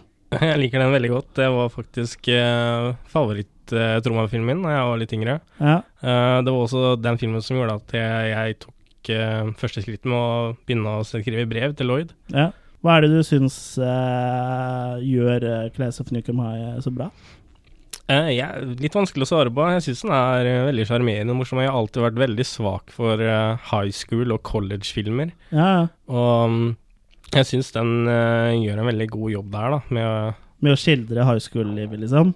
Ja, til Ja, en viss grad. Til en viss grad. Det er kanskje ikke helt sånn det er på alle high schools, men eh, jeg er litt enig i deg. Det er liksom en bra eh, Det er en bra stemning der. Og så det jeg også liker med Troma-filmen, er at de har en sånn uh, slags attitude, liksom. Og de har den eh, sjarmen uh, som vi har vært inne på flere ganger. Hva med deg, Jørgen? Class of Nukem High? Jeg husker når jeg så den første gangen at jeg syntes den var veldig artig. Jeg syns den der eh, Hva skal vi kalle det for noe? Tapergjengen, men som man likevel ikke vil se at de er tapere, er morsom. Ja. De med også Særlig da han vi beskrev, da med den derre ringen i nesa og Strap-on. Ja, ja strap-on i nesa. Ja. Uh, ja, eller hadde den en annen Han, han strap-on går rundt med en strap-on. Ja. Ja, riktig. Ja. The Cretans, fine folk. Ja, jeg likte Ja, også det der monsteret som lever i uh, under høyskolen og alle de greiene der. Og, Ja. ja, jeg syns han uh, har mye for seg, egentlig. Det er veldig kule og veldig fargerike karakterer i denne filmen her. Mm, ja, Ja. det, er, det er det absolutt. Det er, det er én ting eh, de er flinke til, disse Troma-folka, så er det jo å lage fargerike og morsomme karakterer. Ja, de vever inn mye morsomt. De gjør det. Ja. Eh, Class of Nukem High fikk da flere oppfølgere. Den fikk eh, annet Class of Nukem High Part 2, Subhumanoid Meltdown. Den tilfører vel egentlig ikke så veldig mye nytt, sånn Nei. sett. Det er vel for det meste en komediefilm, det, med Ja, der er det liksom mer over på bare komedien. Og så har vi da Class of Nucum High Part 3, The Good, The Bad and The Subhumanoid. Uh, det, det som er greia med disse filmene her, er at uh, de oppfølgerne her, da, det er jo at titlene er jo nesten bedre enn filmene. Det var noe morsomt i, i eh, den uh, nummer to, i hvert fall. Ja da, med det er- sånn ja, ja. høyt hår, akkurat som hun Marge i Simpsons. Og, Ja, det var jo hun som da spilte eh, på en måte moren til disse subhumanoidene, som hun da avla fram eh, på kjernekraftverket, var det ikke det? jo, det, jo, Ja. stemmer. Mm. Så, så det var jo noe morsomt der, men den første er Den eh, første, er, best. den første er best. Ja. Og i fjor fikk vi også et gjensyn med eh, elevene ved Nukem High, for da kom eh, Return eh, to Nukem High volum 1, og den skal vi snakke om litt etterpå. Men først skal vi snakke om Tromas War. Troma's War. It's the biggest, the most ambitious, the most expensive motion picture in the 15 year history of Troma Films. Troma's War deals with today's burning social issues. Psychotic Siamese twins lead ferocious fascist pigs. Now, it's up to a few good citizens to stop this diabolical military threat. Just point me in the right direction. I'll blow their balls off. This is war. Troma's War makes Rambo 3 look like Lassie Come Home. Variety. A trauma extravaganza. Positively upscale. The New York Post. Trauma's War. Rated R. Ja, Trauma's War er vel etter det jeg har forstått en eh, film du syns er ganske god, eh, Kim David? Ja, jeg liker den. Den er ja. underholdende, den. Det er vel også, også for å være en av Tromas dyreste filmer, tror jeg. Ja, det er en av de dyre, dyrere filmene de har. Det er vel eh, i hvert fall eh, det dobbelte av budsjettet, om ikke mer. Eh, opprinnelig så Eller den er jo skrevet av Lloyd Kaufman som en kritikk mot eh, Reagan-administrasjonens glorifisering av krig. Og jeg vet ikke helt hvor godt det kommer eh, frem i filmen. Men det er jo i hvert fall en eh, gruppe med terrorister da, som eh, er på en øy som da trener for å utføre terrorangrep mot USA. Og dette er jo da amerikanere så, som står bak det her, så det er jo, de prøver jo liksom krige for businessens del. Da. Ja. Så det, krig er business, så, sånn er det. Men uh, jeg vet ikke helt hvor tydelig det kommer frem i filmen. Ikke sånn veldig tydelig. Nei, men uh, det handler i hvert fall om en gruppe mennesker fra Tromaville som har styrta med fly på en øy. Det er litt sånn lost, egentlig. Litt lost. Ja. Og der er jo disse terroristene da, som uh, trener for å utføre dette angrepet på USA. Og da bestemmer de passasjerene på som har styrta med flyet, for å ta saken i egne hender og prøve å stoppe dette angrepet. Og det blir en eh, mildt sagt eh, blodig kamp. Det er mye Det er mange kills her. Ja, ifølge Lloyd Coffman så har denne filmen flere squibs enn noen annen film, forutenom eh, The Wild Bunch av Sam Peckinpah.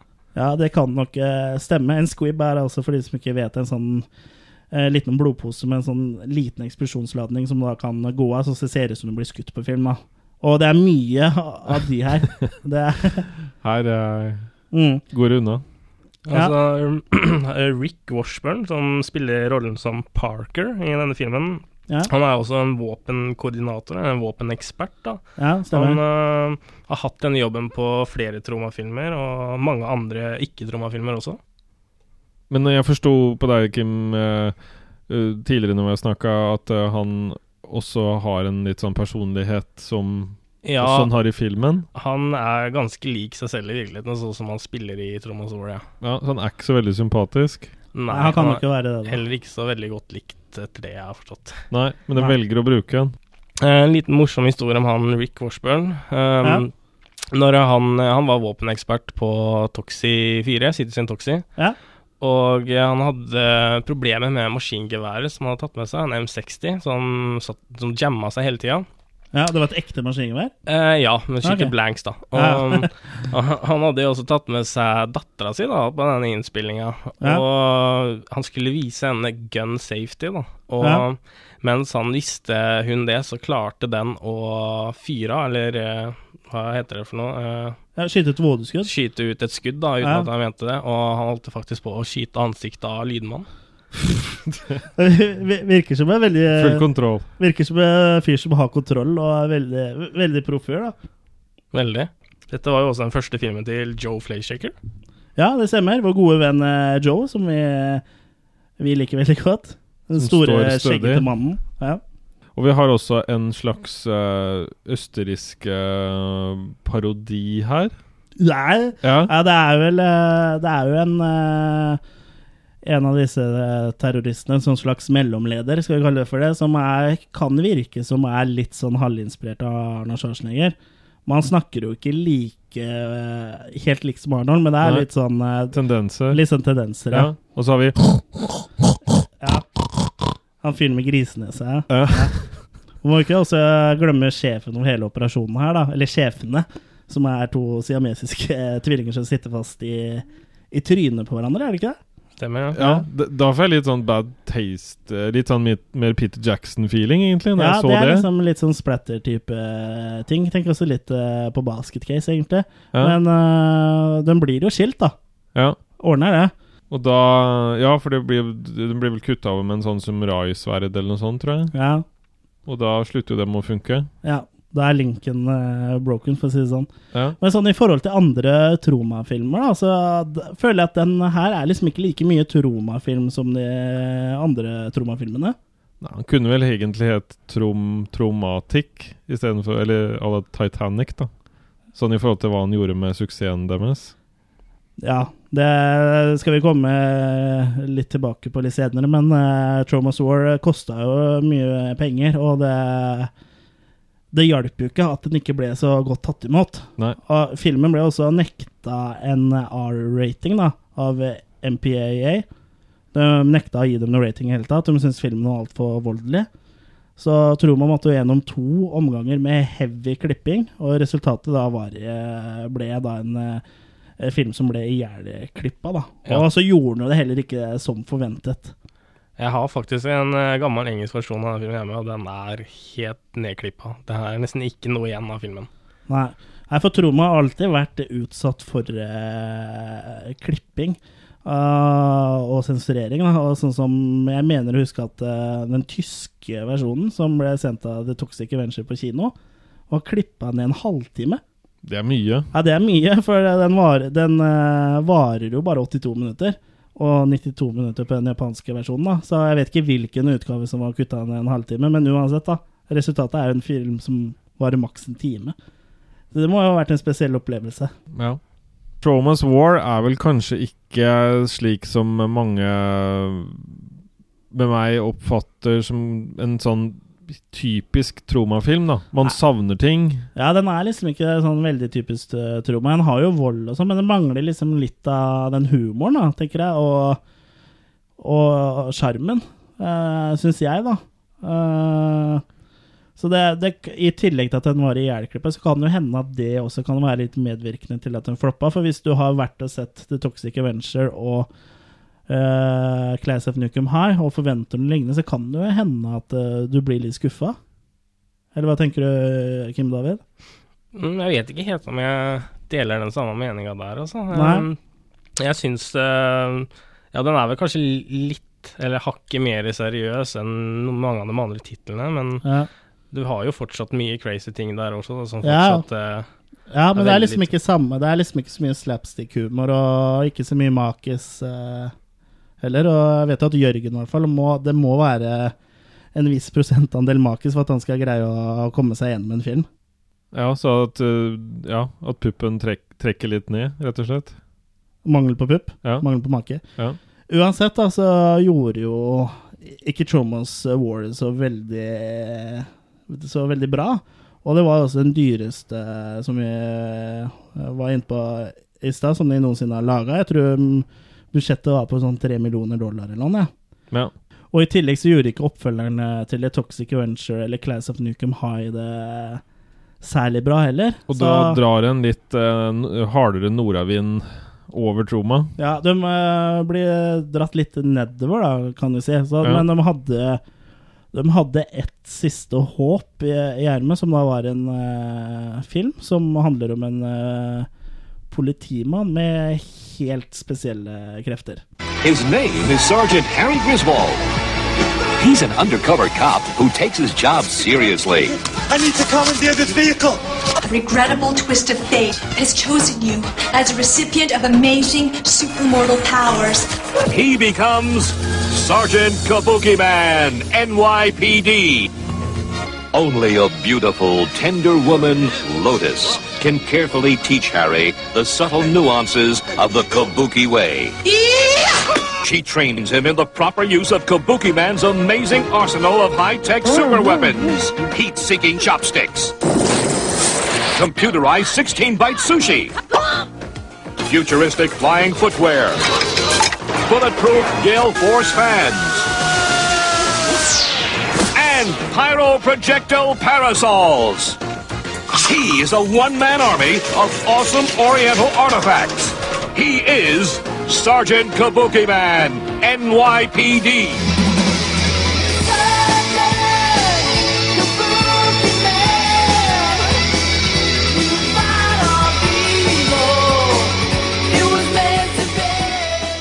Etter suksessen med The Toxic Avenger Part 2 i Japan, for den der slo faktisk eh, Toxic Venture 2 veldig godt an, så ble Troma kontakta av Namco, som da er produsent av bl.a. Eh, dataspillene Eller. Arkadespillene. Ja, Pacman og Ridge Racer, som er et bilspill som alle som har PlayStation, eller hatt PlayStation, kjenner til, antar jeg.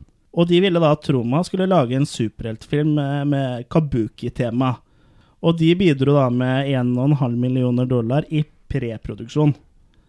Uh, og utgangspunktet for den filmen her er faktisk uh, Kabuki Boy, som uh, dukker opp i Toxic Adventure 2.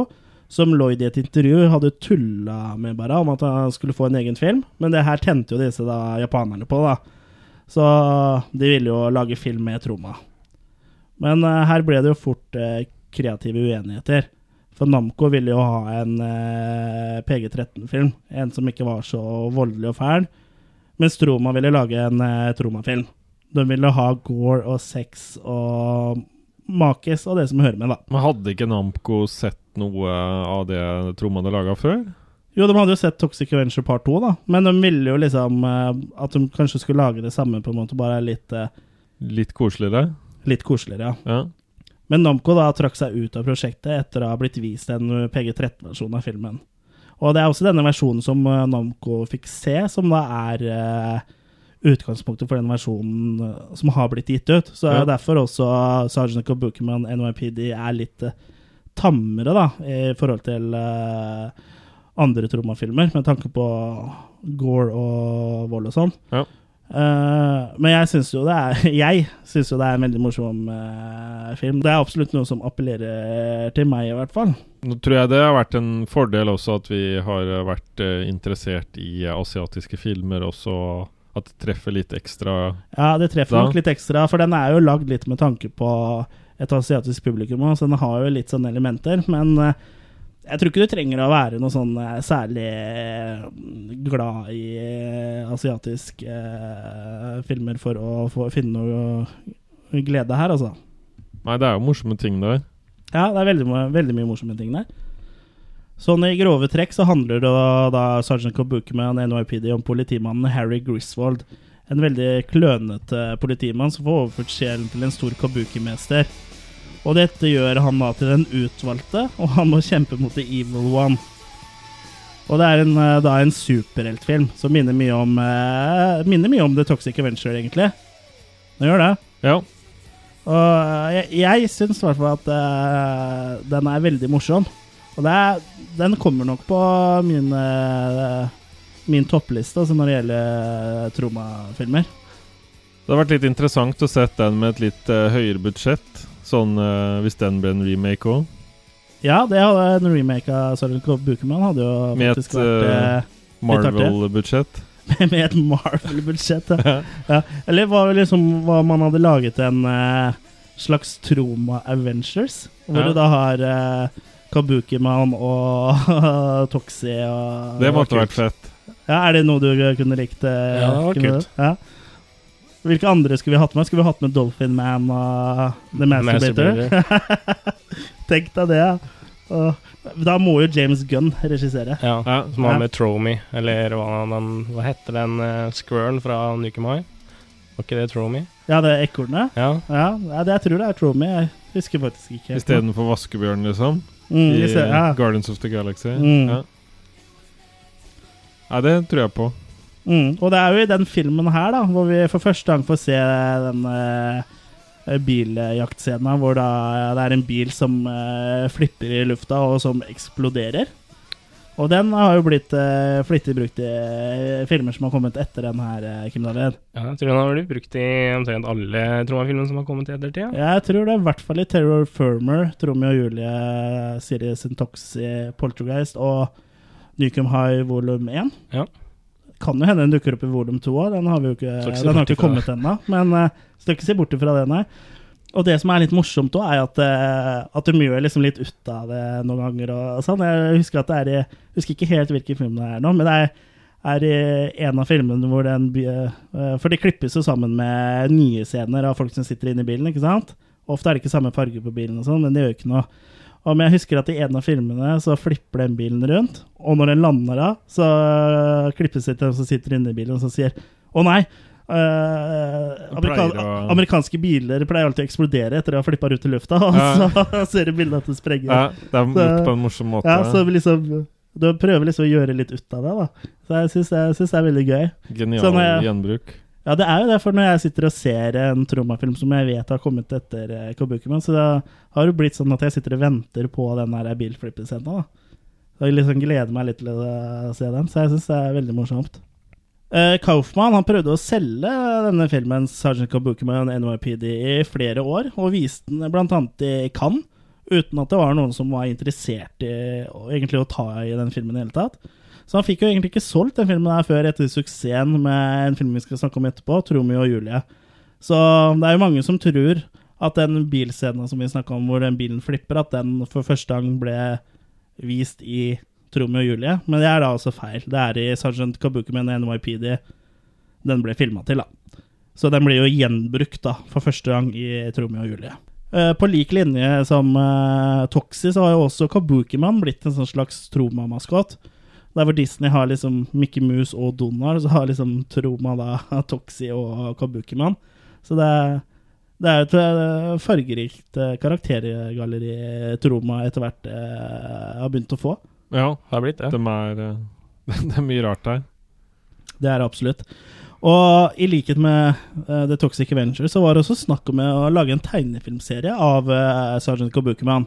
Den skulle da handle om Kabukiman og flere japanskinspirerte superhelter da, som sammen i et team slåss mot kriminalitet i New York. Så egentlig ganske likt eh, premiss eh, som eh, Toxic Crusaders. Crusaders. da. Men det ble det aldri noe av, da. Annet enn en liten animert pilotteaser, som faktisk er å finne på ekstramaterialet på i hvert fall den amerikanske DVD-utgivelsen av eh, Sergeant Kabukiman NYPD. Men eh, vi har jo et lite lydklipp her, så eh, vi kan jo ta oss og eh, høre på det. Let the sushi hit the fan. Unleash the powers of Kabuki Man. Time to kiss your kimonos goodbye. Want to join the Kabuki Man fan club? Det høres jo absolutt ut som noe eh, vi kunne sitte og sett på mens vi spiste eh, frokostblandinga vår på 90-tallet, Kim David. Absolutt. Ja. Jeg syns jo det, jeg sy- jo det er litt synd at det ikke, at det ikke ble noe av, for det, den teaseren virker jo faktisk litt kul. Så det er synd. Her hadde, her hadde de jo da mulighet til å, å komme inn på mainstream-markedet igjen, men eh, det ble dessverre aldri noe av. Den gang ei. Se, selv om Kabukiman da, er å se i flere Troma-filmer, gjerne i bakgrunnen, og også som fyllik i Citizen Toxie, så ble det aldri noen oppfølger til Sergeant Kabukiman NYPD. Og det har vært eh, rykter om eh, en Sergeant Kabukiman LAPD, men eh, det har ikke blitt noe mer enn det. Med Sylvester Stallone, eller? Ja, Som Kabukiman? Jeg tenkte det. Ja. Men i 2006 så starta den faktisk produksjonen på en ny Kabukiman-film, som da ble kalt Sergeant Kabukiman and the Lesbians of Bonejack High. Den ble aldri fullført, da, men de skal visstnok uh, ha filma og sånn, så Det ligger noen råfilm et eller annet sted. ja Råfilm eller kanskje DV-kassetter, og det er jo ikke sikkert det var så veldig eh, Jeg vet jo at på samme tidspunkt uh, så filma de jo Tales from the Crapper på vanlig DV, altså videokamera, så Ja. uh, hvis de syns det var for dårlig, at det var dårligere enn Tales eh, from the Crapper, så er det kanskje like greit. Ja. Men Kabukiman da, greide jo ikke å, å redde Troma, for det er jo ingen som ville, det er ingen som ville ha Sergeant Kabukiman NYPD etter, eh, etter den manglende suksessen med Tromas War og, og oppfølgerne til uh, Nukem High og Toxie. Og det var Folk eh, var ikke interessert i filmen, og dermed var Tromas flørt med Hollywood eh, over, da, så hun forsvant ut av mainstream-markedet. Og ble, som vi kjenner det som i dag, et independent produksjon- og distribusjonsselskap i stedet.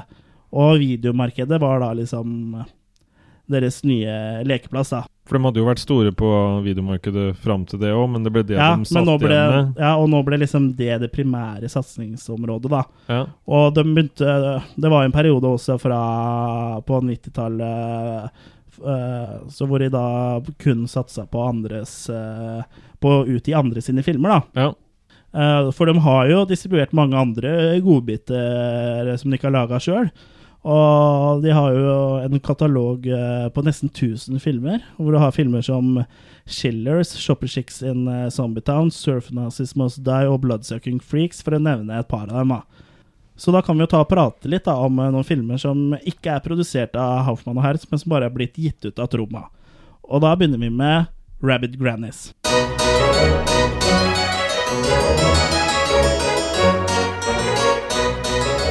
Ja, Rabbit Grannies det er en belgisk film fra 1988, regissert av Emmanuel eh, Curvin, og heter eh, Skal vi se Le Mimé Cannibale? Jeg vet ikke. Det var mitt forsøk Ja. på fransk-belgisk. Men uh, Rabbit Grannies handler om to gamle tanter som uh, inviterer hele slekta på bursdagsselskap. Og det vil si nesten hele slekta. For det er én de ikke har invitert til, Jørgen. Og det er den ene nevøen sin, som da er familien sorte får. Men han har sendt dem en gave. Og hva er det han har sendt dem? De har fått et uh, lite skrin Ja. Så når de pakker ut det, så er, viser det seg å være en forbannelse. Ja. Uh, det er ikke noe de legger merke til, men de syns skrinet er veldig fint. Og så tenker jeg ja, kanskje vi kan eh, ta han fyren inn i varmen igjen, da. For uh, grunnen til at han er litt frysete av slekta, er fordi han visstnok driver med mørke krefter, som du sier, og tilber, tilber djevelen. Liksom som deg, Kim David. Nei, jeg vet ikke det, altså. Nei da. Eh, men denne forbannelsen, da, hva gjør den eh, med disse søte, gamle tantene, Kim David? Gjør dem om til eh, kjøttetende eh, demoner. Ja. Eh, Gale demonkannibaler, som da begynner å spise opp familien sin. Eh, hva syns du om Rabbit Grannies, eh, Kim David? Mm, ja, jeg liker den. Jeg syns den er eh, morsom, og den har en god del kule gore-effekter som dessverre har blitt klippet vekk fra de fleste versjonene. Ja, jeg tror det er bare den nederlandske som er uklipte, faktisk. Ja, i tro, Troma sin versjon, ironisk nok, er jo klippa. Mm. Så det er jo litt, det er jo litt pussig at uh, den er klippa i og med at de er så imot Veldig. sensur. Uh, jeg har bare sett den sensurerte versjonen, og jeg syns, syns den var noe ujevn. Men det er selvfølgelig Det er jo morsomme ting eh, der òg. Sånn eh, Spesielt akkurat idet de tantene har blitt eh, transformert til demoner, og den der, eh, hun skyter ut den lange armen sin og drar et av familiemedlemmene til seg og bare gafler, eh, gafler vedkommende i seg. Stemmer det. Så hører han lille ungen si 'smashing'. Ja, det er veldig bra. Hva syns du om Rabbit Grannies, Jørgen? Jeg likte nok bedre Rabbit Grannies 2, som ikke fins. Ja. Men eh, bort, bortsett fra det, så jeg syns han har noen morsomme ting, men jeg kjeda Ja. meg. Ja, Du kjeder deg, ja? Ja, i hvert fall Ja. store deler av filmen. Ja.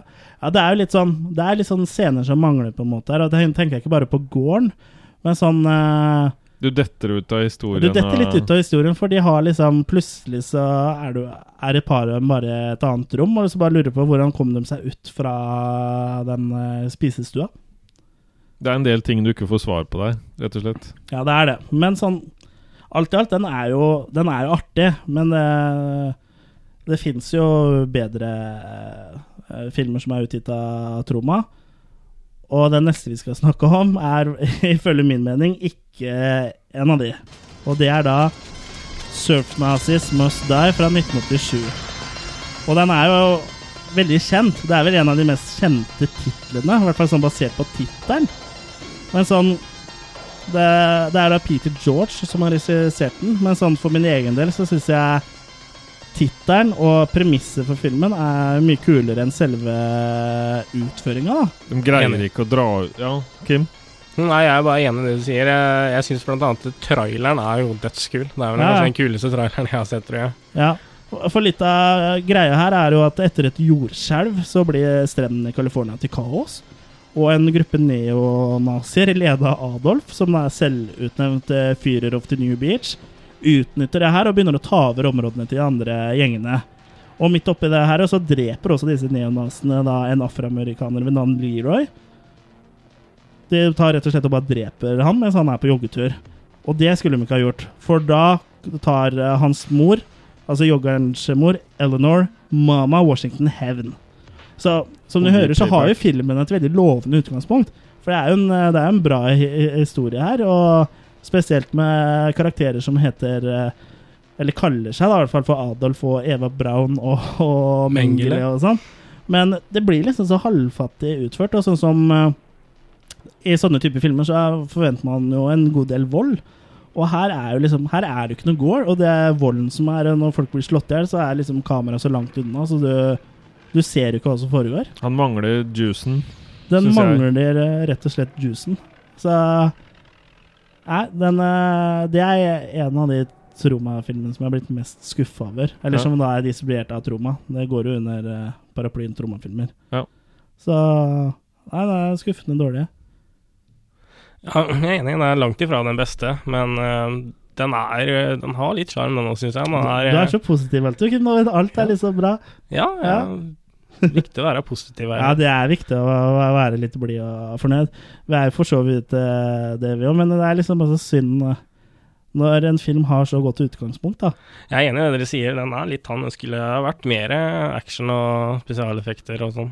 Så en, en remake her, det kunne vi vel kanskje sagt eh, ja takk til. Ja. Det hadde nok vært en idé. Ja. Men fra den over til en annen uh, Troma-utgitt film som i hvert fall jeg syns er uh, veldig underholdende. Vi skal snakke om Bloodsucking Freaks. I am Sadu. master of the theater of the macabre. Prepare yourself for the horror. Prepare yourself for the terror. Prepare yourself for the ultimate blood-curdling experience. Blood-sucking freaks! A show that will make anyone retch. En ting jeg liker veldig godt med traileren her, er at eh, det er ganske tydelig at når traileren ble klippa, så hadde filmen en annen tittel. For du hører liksom det fortelle, britiske og så hører den her musikken under. Og når eh, da tittelen 'Bloodsucking Freaks' sies, så hører du at det bare kutter brått, og musikken ligger ikke under eller noe ting i det hele tatt. Det syns jeg er uh, veldig, veldig gøy. Men det er jo fordi filmen heter jo ikke 'Bloodsucking eh, Freaks' i utgangspunktet. Det er jo en tittel som, Han opp. som Troma ga de. Vet du hva filmen het i utgangspunktet? Eh, det originale navnet det har jeg glemt, men den ble senere kalt for The Incredible Torture Show. Ja. Og så når Troma kjøpte den opp, så bytta de navn til Bloodsucking Freaks. Ja. Bloodsucking Freaks er da regissert av Joel M. Reed og kom ut i 1976. Og den handler da om eh, Sardu, som er eh, da innehaver av et eh, teater, men ikke et eh, hvilket som helst teater, Jørgen. Nei, det er et sånn torturteater. Torturpornoteater, rett og slett. Ja. Sånn SM-aktig teater hvor mennesker drepes og tortureres på scenen foran publikum. Og publikum elsker De, det. ja, for de skjønner ikke De skjønner ikke at det er ekte, dette her. Nei. Og det filmen i bunn og grunn handler om, er at han Sardo eh, ønsker å sette opp eh, det ultimate stykket, da. Det ultimate kunststykket, liksom. Og han kidnapper da ballerina Natasha de Natalie og teateranmelder Creasy Zilo, som da har vært litt sånn Han har vært veldig krass mot Sardou, Sardu, for det her er ikke kunst, kaller. Han- han. Og han, eh, han blir jo som sagt uh, kidnappa av Sardu, og det virker som han heller vil dø enn å si at eh, det du gjør, er kunst. Så Veldig morsomt bilde på en kritiker òg, da. Sånn som Ja. de liksom fremstiller han. Ja, ja for han eh, Han er jo fange hos Sardu, og han eh, Han eh, Ja. Han vil ikke innrømme at det er kunst. Jeg dør heller, så han må jo tvangsfòres og sånn. Ja. For at de skal holde den i live til den store premiera. De har noe sånn trakt og noe greier som dytter Ja, ja. opp i munnen hans. Ja, det likte du. Du, du er sånn eh, type Jørgen, som kunne godt tenkt deg å bli tvangsfora. Ja, det er, det er klart. Med ferdigtygd mat. Det er ikke sånn. alltid man husker å spise og sånn, så det Men det er, det er jo ett element i Bloodsucking Freaks som gjør at den filmen her er så sinnssykt bra som den er, og det er godeste Ralphus, som er håndlangeren til uh, Sardu. Hvem er Ralphus, eh, Kim David? Det er Eller en- beskriv han, da. Det er en eh, liten dverg med afro. Ja. Veldig blid eh, fyr. Smiler og ler hele tida. Ja, han elsker jobben sin. Liksom, uansett hva han gjør, så gliser det og koser seg. Og han har da spilt av Litt usikker på uttalen her, men eh, Louis de Jesus, noe sånt noe. Stemmer. Og Har han vært Ivok?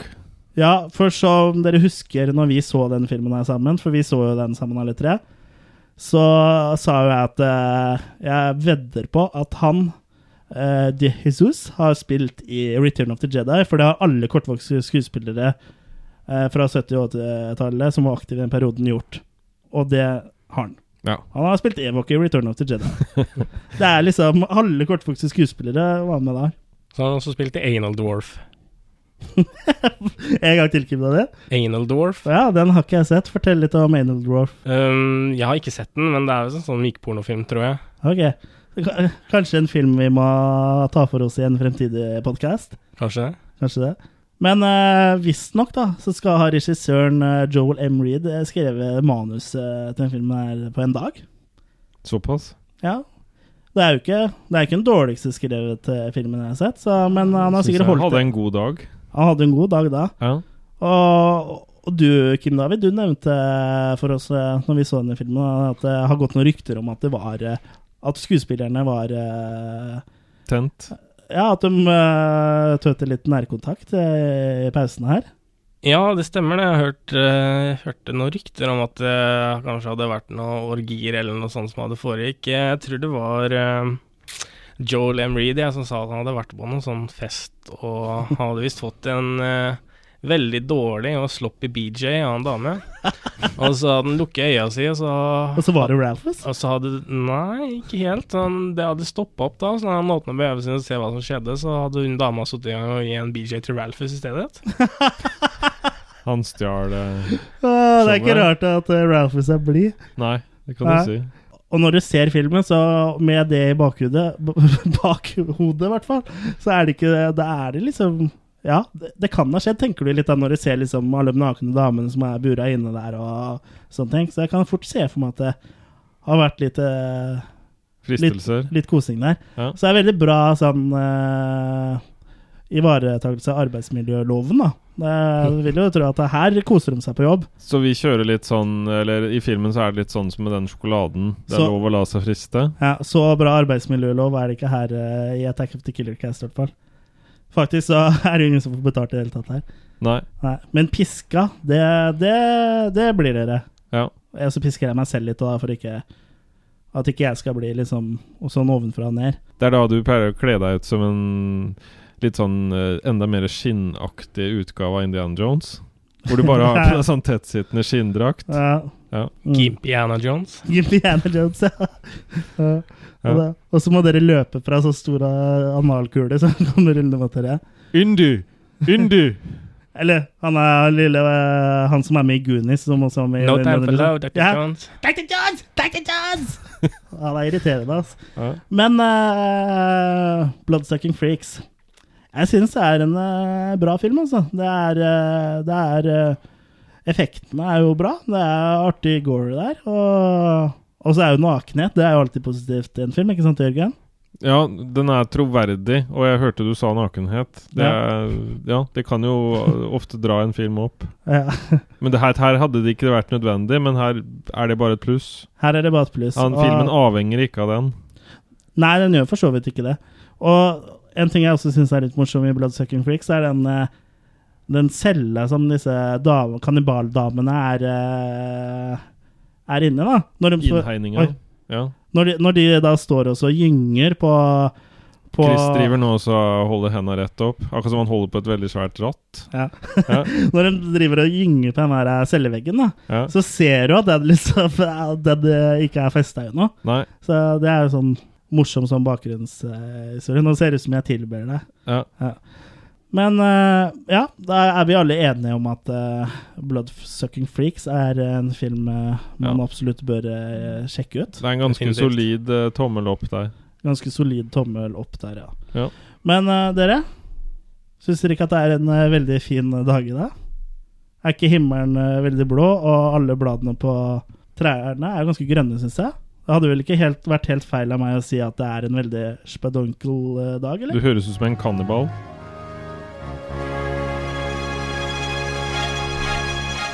The sky is blue and all the leaves are green.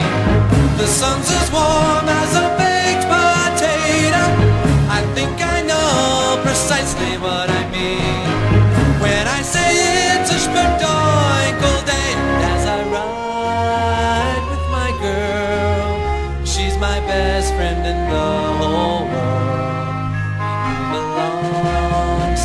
goals high with eyes full of hope as we aim for the sky is blue and all the leaves are green. My heart's as full as a baked potato. I think I know precisely what I mean when I say it's a spedoinkle day. When I say it's a happy go moikoli lucky spedoinkle. Ja, Cannibal the Musical. Det er jo litt av en film. Og hvem er det som har laga den, eh, Kim David? Det er eh, Matt Stone og Trey Parker, som er kjent fra South Park. Og så eh, mange kanskje vil også gjenkjenne den eh, musikken du akkurat hørte, for den hører vi etter rulleteksta på hver eneste South Park-episode. Gjør, gjør man det? Ja, helt på slutten når du ser det flyet Hva? som kommer over skjermen, så står det 'Brand if we did it'. Da hører du ja. Da hører På du den melodien. Uh, cred, end creditsen på Mhm. selskapet, liksom? Helt på slutten. Jøss. Det visste jeg ikke. Det var fun fact. Ja, det er jo også skaperne av South Park, eh, Matt og Trey Parker, som har laga denne uh, musikalen, som uh, også er kjent som Alfred Packer, The Musical. Og i grove trekk så handler jo den da om Alfred Packer, som er tiltalt for å ha spist reisefølget sitt. Og det skal jo være basert på en ekte historisk person.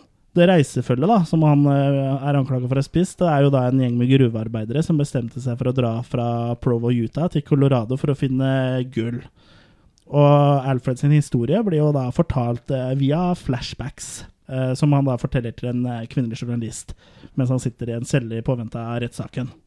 Og selve filmen starta faktisk eh, som en trailer da, som eh, Parker Stone lagde på, som et skoleprosjekt. Men etter å ha vist den eh, for klassen, så slo den såpass godt an at de fikk samla inn penger. 125 000 dollar, og så lagde de filmen.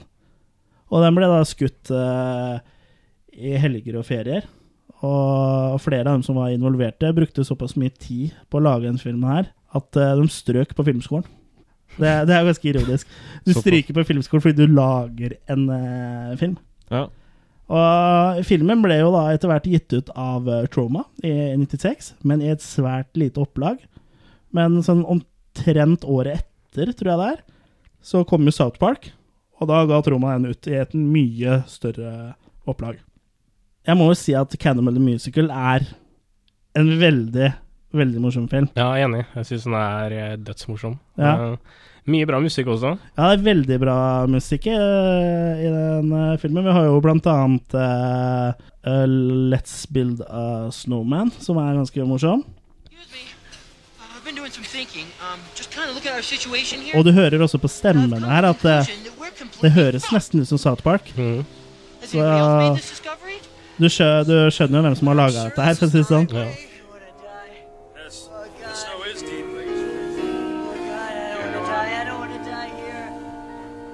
Sometimes the world is black and tears run from your eyes. And maybe we'll all get really sick. And maybe we'll all die. So let's build a snowman. We can make him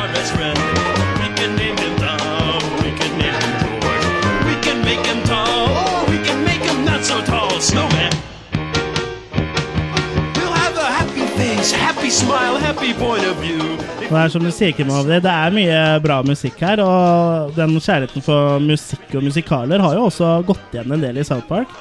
For ikke snakke om i South Park-filmen, Bigger eh, Bigger Longer Uncut, det den Bigger Bigger Longer Uncut, ja. Der er det jo, den er jo rett og slett en musical. Og ja, jeg syns disse gutta her er eh, veldig dyktige, altså. Ja, definitivt. Til å være Ja. debutfilmen deres også, så syns jeg dem Ja, det er jo et eh, utgangspunkt i et eh, skoleprosjekt, så det er jo helt, eh, helt eh, fantastisk, syns jeg.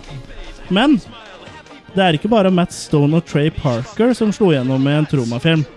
For det er jo flere. Blant annet så er det Billy Bob Thornton som slo gjennom i Shopper Chicks in Zombie Town. Og så Kevin Costner i Cecil Beach USA. Ja, det stemmer. Og så er det jo flere. Samuel L. Jackson Ja. i Death by Temptation.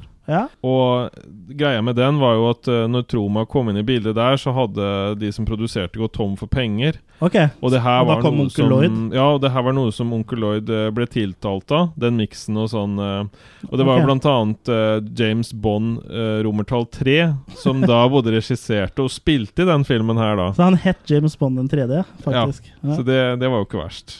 Nei, det er artig. Og så har vi også flere som har slått igjennom, som f.eks. Carmen Electra var i The Chosen One. Og så har vi Vincent D'Onofrio var med The First Turn On. Og Paul Sorvino i Cry Uncle. Og Marissa Tomei, som vi nevnte, som statist i Toxic Avenger. Og ikke minst så har vi jo en eh, kar som er veldig aktuell. Som blant annet eh, nå i det siste har regissert eh, Slither og Guardians of the Galaxy. Og han har også skrevet og hatt korregi på neste film vi skal snakke om, Kim David, som er Tromeo og Julie.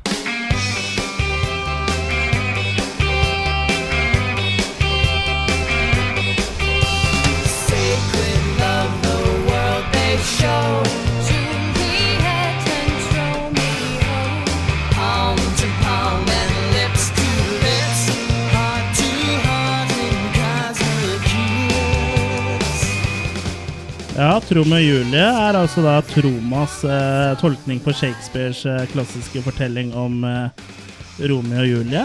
Men her med en liten eh, Troma-twist. Med eh, Lemmy fra Motherhead som eh, fortellerstemme. Og filmen er da skrevet av James Gunn, som fikk betalt hele 150 dollar for, jobben. Og han gjorde en veldig god jobb. Ja, jeg syns jo, jo det. Han tok utgangspunkt i et manus som Kaufmann med flere har jobba på i lang tid, og gjorde det bedre. Mm. Og James Gunn skal, har også regissert eh, filmen da, sammen med Kaufmann. Ja, Skuespillerne har sagt at eh, det var James Gunn som sto for eh, mesteparten, om ikke alt, av regisseringa. Jeg tror, hvis hvis jeg Mm. husker riktig, så var det bare eh, den disco- eller den klubbscena i starten som var regissert av Lloyd. Ja. Ja, det er ganske tydelig, òg. hvis du har sett andre filmer av James Gunn, så ser du mye likhetstrekk der. Ja. Filmen handler i bunn og grunn om eh, to familier. Eh, familien Q og familien eh, Caplet. Og i en eh, familie, da familien Q, har vi da Tromeo, spilt av Will Kinnan. Og i familien Capulet har vi da Juliet. Uh, og de to blir da forelska i hverandre. Det er umulig kjærlighet, for disse to familiene er jo, er jo i tottene på hverandre og er ikke har ikke så mye til overs for hverandre, da. Og kjærligheten er jo enda mer umulig når Juliet allerede er lovt bort til eh, kjøttmogulen eh, London Arbuckle. Han Så er jo litt av en fyr. Det er litt av, det er litt av en kar. Det lite et stykke. Det er litt veldig bra, stykke. Ja, han er, han er veldig, han er veldig morsom. Ja. Og en annen som også er litt uh, morsom, syns jeg, er uh, faren til Juliet. da Som uh, han, han er veldig overbeskyttende mot henne. Og, men han drar det kanskje litt langt, for han straffer henne fordi han mener at hun er en uh, skitten jente. da Og låser henne inne i en sånn glassboks i sånn helt svart rom.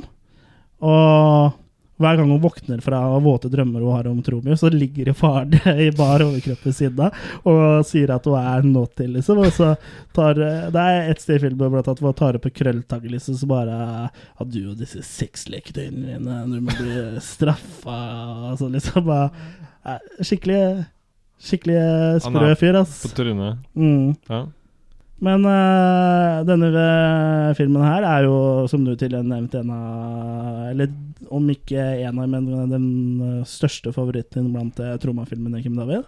Ja, den er det. Jeg vil si at det er min absolutt eh, største favoritt. Jeg, jeg fikk denne filmen tilsendt av Lloyd eh, like etter han var ferdig. Det var på den tida jeg skrev mye brev til han. Ja. han, han sendte meg faktisk tre filmer, men de to første kom aldri fram. Og den tredje kom heldigvis fram. Så Ja. jeg var ganske kry. da Jeg var mest sannsynlig den eneste som hadde den filmen. Så Ja, ikke sant?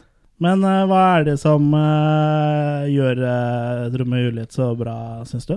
Jeg syns det er en veldig sjarmerende film. Det er en film som klarer å være både søt, morsom, romantisk og gal helt samtidig. Ja, den er jo veldig underholdende, og det er, det er liksom Det er ikke et sekund som er kjedelig i uh, Tromø og Juliet. Og så det med at folk spiser og sånn underveis. Uh, står og gomler mat. Husker Ja. vi hang oss litt sånn opp Ja, ja, i det? det litt sånn morsomme ting. De politifolka som står i bakgrunnen hver gang politiet er der, de bare spiser. De spiser hele tida.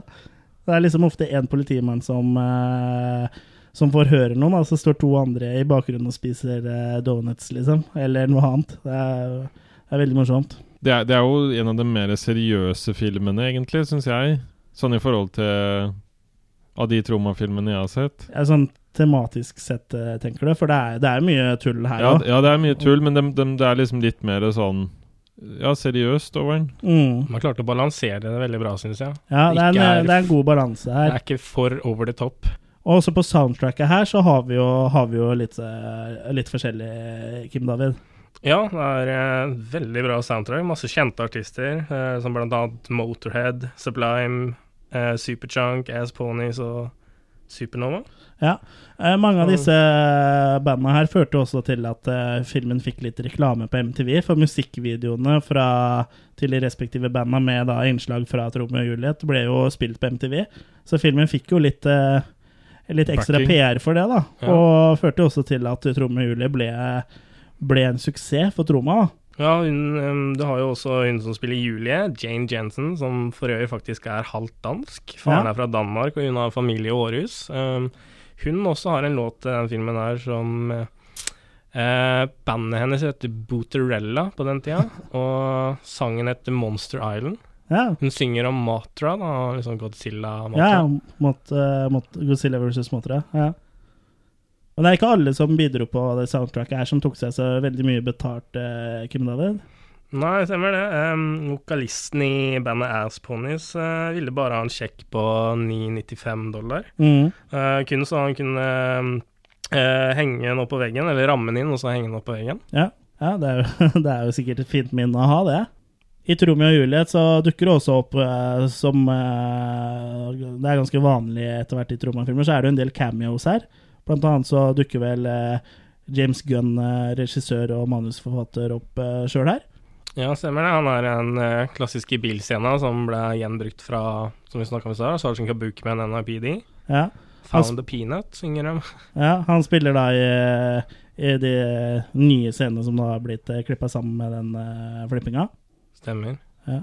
Og så er det et familiemedlem av James eh, som også spiller i filmen, ikke det? Ja, um, en av hovedrollene i filmen, um, Sammy, sånn som spiller Sammy Capulet, er jo spilt av broren til James, uh, Sean Gunn. Mm. Og som vi nevnte i starten, så er jo Lemmy Lemmy er jo fra Montreal er jo fortellerstemme her og bidrar jo også på soundtracket. Alt i alt så syns jeg jo at uh, Tro med Julie er uh, Den er høyt oppe på lista for, for min egen del på uh, favoritt-Troma-filmer. da. Det er, det er en av de mer helstøpte uh, filmene der, syns jeg. Enig. Og en som ikke er like helstøpt, er uh, en uh, film som heter uh, Terror Firmer. I am the director. I've been directing 10 cent movies for 30 years, and I think I know a little bit about what I'm doing. It's a horrible world. There's starvation, dismemberment, torture, rape, cornholing. It's horrible out there. But it's worse. It's worse here in the movie set. It's much worse. We have danger and stupidity. I don't want somebody dying on my set. If someone dies here, I'll blow my brains out. It'll be your fault. My career will be over. It'll be your fault. Terror Firmer. Now let's make some art. Terror Firmer er på en måte en uh, selvbiografi eh, for Troma. Det handler om et uh, lavbudsjettfilmcrew i New York, som i tillegg til å slite med utfordringene ved det å lage spillefilm på lavt budsjett, også blir drept én etter én av en gal transseksuell seriemorder, som da spilles av Will Kinnan, som også spilte i Tromeo i Tromeo Juliet, som vi akkurat snakka om. Vår gode venn Trent Haga han er også med som eh, Jerry, som er uh, spesialeffektpersonen i den eh, Toxic Adventure-aktige filmen som de spiller inn i filmen. da. Stemmer. Terror Firmer er da løst eh, basert på Lloyd Kaufman og James Gunn sin bok All I Need to Know About Filmmaking I Learned from the Toxic Adventure. Og selve storyen da, jeg syns er et morsomt utgangspunkt eh, for en film. Men eh, sånn her igjen så syns jeg den faller litt i den fella som tror meg noen ganger eh, snubler i det. Da, og det er at eh, den spriker litt i for mange retninger. Det blir liksom litt rotete.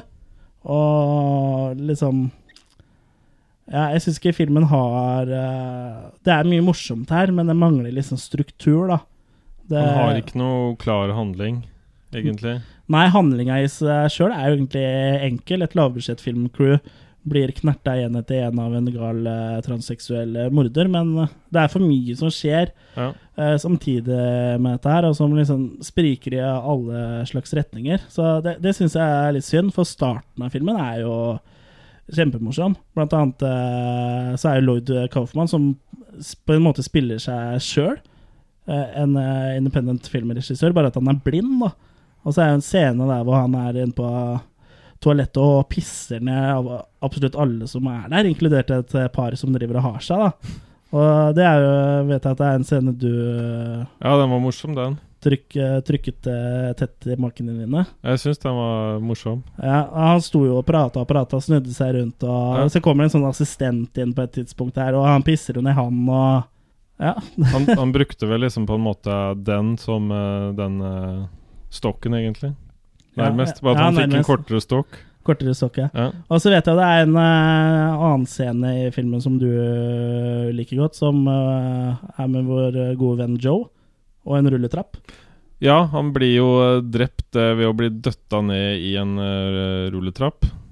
Som eh, spiser Han blir liksom pusha ned av den transseksuelle morderen. Ja. Blir spist av den rulletrappa, og han kjemper imot uh, Til siste finger, nesten. Ja. For den uh, hånda er jo den som stikker opp til slutt. Og, ja. du ser Og han beveger beveger jo fortsatt på det, selv om resten av kroppen er spist opp av, av rulletrappa. Da. Ja, altså veldig Mm. Veldig vilje, må jeg si.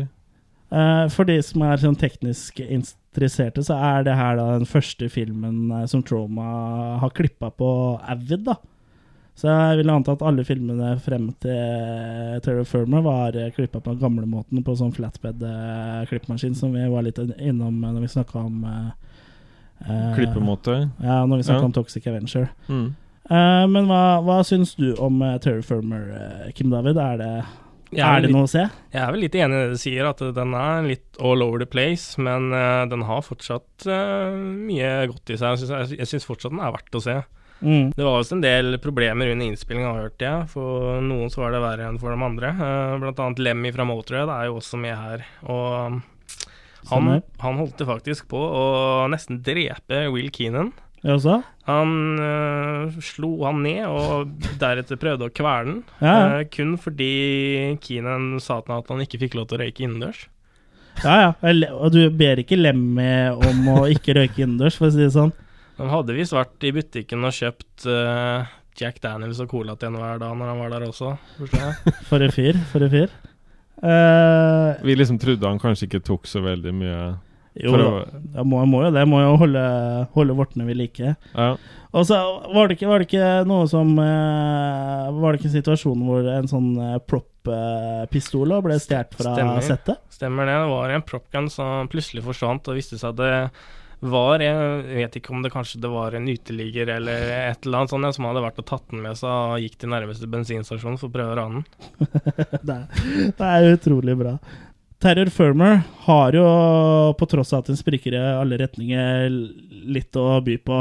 Og mot slutten av filmen så greier den å på en måte hente seg inn og bli litt mer strukturert. Så det er absolutt ting å bli underholdt av i Terror Firmer. Men eh, en film som ikke har eh, like Ballene. mye å by på som eh, Firmer, er uh, Tales eh, from the Crapper.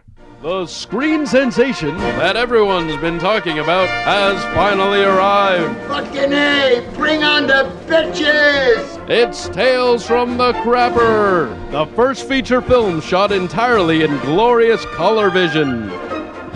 Tales from the Crapper is the inaugural film in Troma Entertainment and Lloyd Von Kaufman's acclaimed Dogpile 95 doctrine of digital filmmaking. Filmed in three countries over three years with six directors, 15 writers, and a cast of hundreds, Tales from the Crapper adds up to over 80 minutes of pure entromatainment hosted by everyone's favorite harbinger of the horrible, the Crap Keeper. Tales from the Crapper boasts not one, but two. That's right, two films in one extraordinary digital movie. Ja! Ja, det er i 2004 så kom da altså Tales from the Crapper, som er en slags traumatisert versjon av Tales from the Crypt, hvor vi da får servert to skumle historier. Og hva skal vi si om Tales from the Crapper, Jørgen? Det er eh, vel en film det stinker litt av, syns jeg. Ja, det er ikke så mye å hente her, altså, for det her, det her er rett og slett dritt. Ja. Eller hva, hva syns du, Kim David? Jeg har faktisk ikke sett den filmen, så jeg kan jeg ikke svare på. Jeg har hørt veldig mye om den, og ikke noe har vært bra. så jeg har ikke fått med meg den ennå. Jeg tenker jo at uh, Du sier ennå. Jeg eh, tenker at du fint kan hoppe over Tales from the Crapper. Okay. Uh, ja, det er, det er ikke så mye å hente her også. Det, det er jo noe Troma bestemte seg for å lage etter at uh, de hadde en online-tegneserie på troma.com som da het Tales from the Crapper, som da var en sånn Tales from the Crypt-aktig tegneserie. Og den hadde de litt moderat suksess med, da. Og da tenkte Lloyd at uh, det her må vi lage en film av. Og en avtale ble gjort da med Indie Allen, som nylig hadde produsert The Rowdy Girls, som er en film distribuert av Troma. Men eh, når de begynte å motta materiale som hun da hadde skutt sånn et eh, år ute i produksjonen, så var vel ikke det helt eh, hva de hadde forventa seg, var det det? Det var, det var for dårlig. Det, det her måtte jo Det var ting som måtte skytes på nytt, og Det var ting som mangla lyd. Såpass, ja. Og det var jo også userbart mye av det. Det virka ikke som den som hadde filma, visste hvordan man holdt et kamera, eller frama et shot. Nei, jeg skjønner, jeg skjønner ikke åssen de egentlig kunne Det må vel teste folk litt i forkant? Ja, nei, jeg skjønner jo ikke så mye av det heller. Og det ble mye rettssaker fram og tilbake her, hvor da Troma sannsynligvis ville ha tilbake pengene sine, Ja. mens hun India Allen saksøkte tilbake for seksuell trakassering. De prøvde jo å redde den filmen med å ta noen eh, reshoots og sånn, så ja, sånn som det ender opp med å være, så tør jeg ikke å tenke på hvordan det hadde vært uten noen reshoots, for det her er eh, rett og slett søppel. Ja. En av de få tinga som er litt morsomme, men som ikke er så morsomt at de burde brukt det gjennom hele filmen, som de faktisk gjør. Og det er at de har en sånn slags picture in picture-greie gående i filmen. Når folk Når det er dialoger og sånn, og, som folk ikke gidder å høre på, så har de noe som heter boner vision. Hvor du ser nede i hjørnet, er det da boner vision, og så er det da nakne damer som står og danser. Så du skjønner jo liksom eh, hvor de har lagt lista her. Ja. Og det er vel en Troman-film med mest nakenhet, dette her. Det, det er det. Det er maker, og det er um, Ja, det er, det, er, det er damer i uh, alle mulige fasonger. Ja. Det, det virker som en lavbudsjett eh, pornofilm, egentlig. Utenom pornoen. Hele filmen er jo så skutt med vanlig DV, altså videokamera, og så det ser jo skikkelig ræva ut. Og når vedkommende som har filma store deler av filmen, ikke vet hvordan man bruker kamera ellers, så det er, ikke, det er ikke en oppskrift på suksess, ofte. Nei. Så nei, det, er ikke, det er ikke mye å hente her. Nei, vi trekker denne crapperen ned i do, tenker jeg. Ja, vi gjør det, og så snakker vi om eh, en annen film istedenfor, nemlig Poltergeist, 'Night of the Chicken Dead'.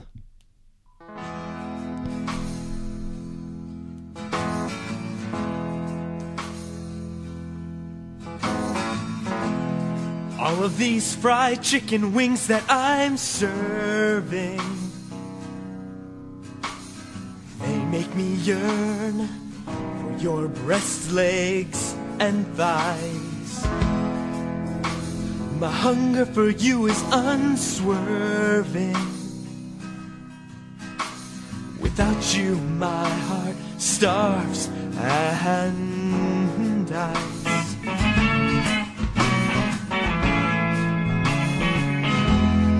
All these protests and speeches I'm making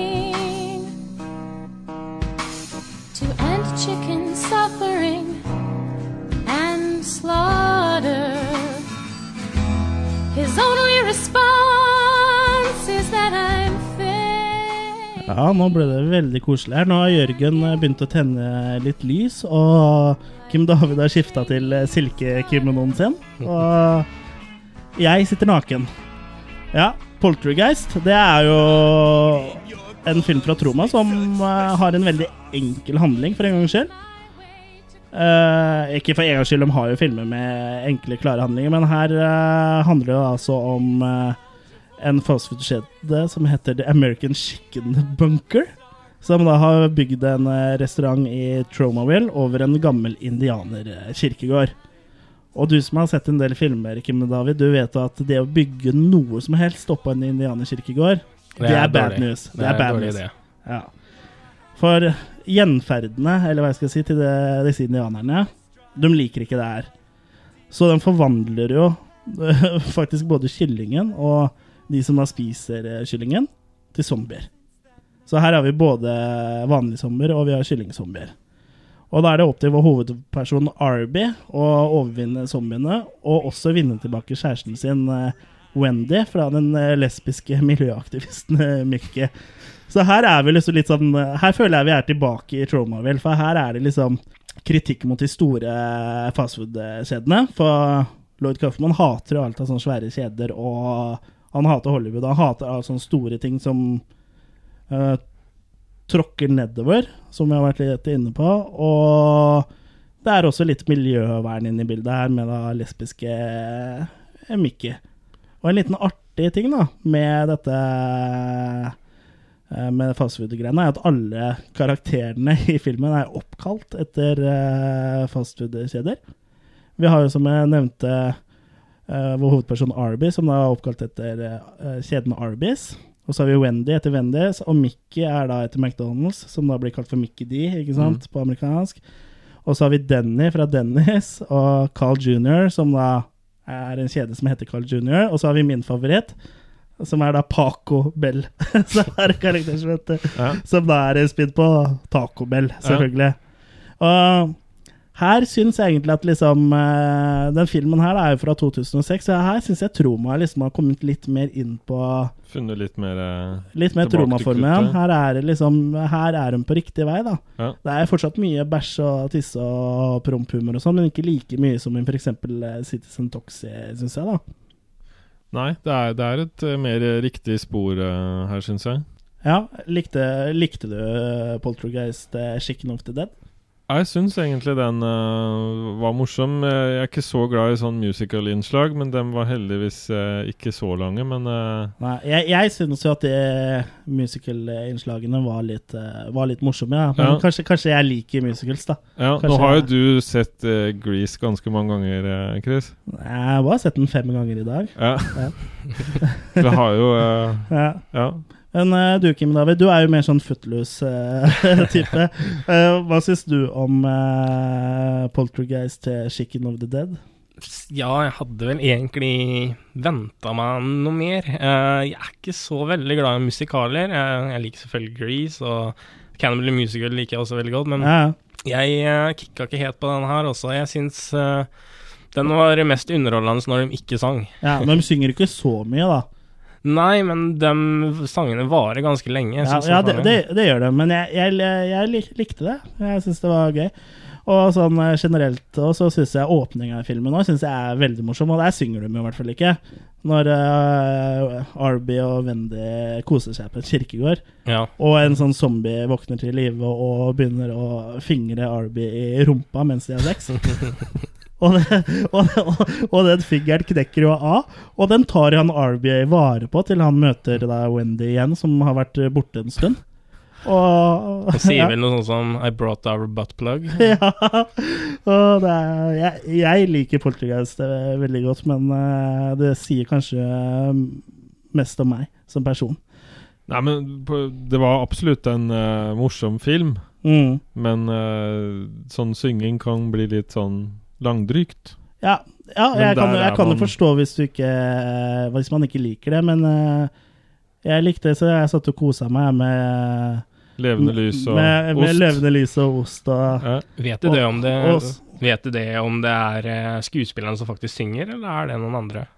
Det er jeg litt usikker på, men stemmene høres jo veldig like ut. Man tror det er dem, Ja. sånn ut ifra det man Ja, tror. jeg, jeg tror faktisk det er dem også, men nå, nå skal ikke være altfor sikker. Og det er, eh, det er ikke så lett å finne så mye informasjon om eh, alle disse Troma-filmene på nettet heller. Eh, så jeg, jeg tror at de synger selv. Det er jo ganske like stemmer, syns jeg, da. Ja, de er flinke. De er flinke, men litt for lange synes noen. Og andre syns det er helt kos å sitte der med duftlysa sine. Det er en veldig bra scene der med hvor eh, noe store venn, som vi har snakka om nå fra andre filmer. Med Joe Fleischaker, ja. Ja, når Ja. han er på toalettet. Ja. da, da skulle man jo egentlig tro at han kom til å bli mye mindre etter det toalettbesøket der. Ja. For det Men det ble han ikke. Nei, men det, det er jo til slutt noe som da kommer ut av den, da. Sånn Mm. i feil, feil ende. Den bryter seg vel bare Nei, han kommer ut riktig vei. Han bare bryter seg ut Ja. i rumpeballene. En chicken eh, zombie, Ja. er det ikke det? Jo. Ja. Så det, det er absolutt underholdende scener der. Ja. Men man kan si hva man vil om eh, Poltergeist Night of the Chicken Dead, så syns jeg i hvert fall det er eh, starten på at Troma finner tilbake til eh, sitt sanne Troma jeg. Og jeg føler at de kom seg enda litt videre tilbake til gamle storform med neste film vi skal snakke om, som, er, som da kom i fjor, som er Return to Newcombe High volum 1. The Tromaville nuclear power plant has been bulldozed to make way for Tromorganic Foodstuffs Inc. What could go wrong? Now look, laddie, I want my ultra cheap foodstuffs in every school in New Jersey at inflated prices. That is the basis of our plan, and you know it. Taco Tuesday must be a hit. Uh, help!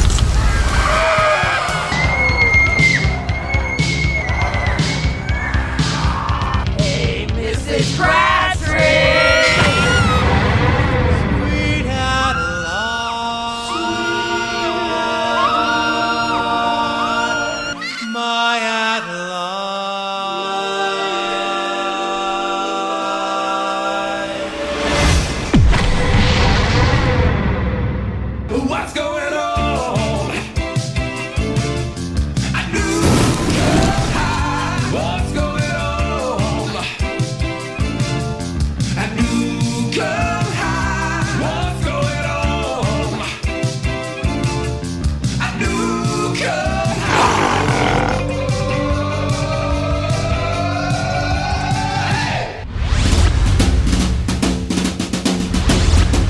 By the way, Excelsior! Ja, vi hørte vår gode venn eh, Stan. Stanley igjen, som eh, fortellerstemme.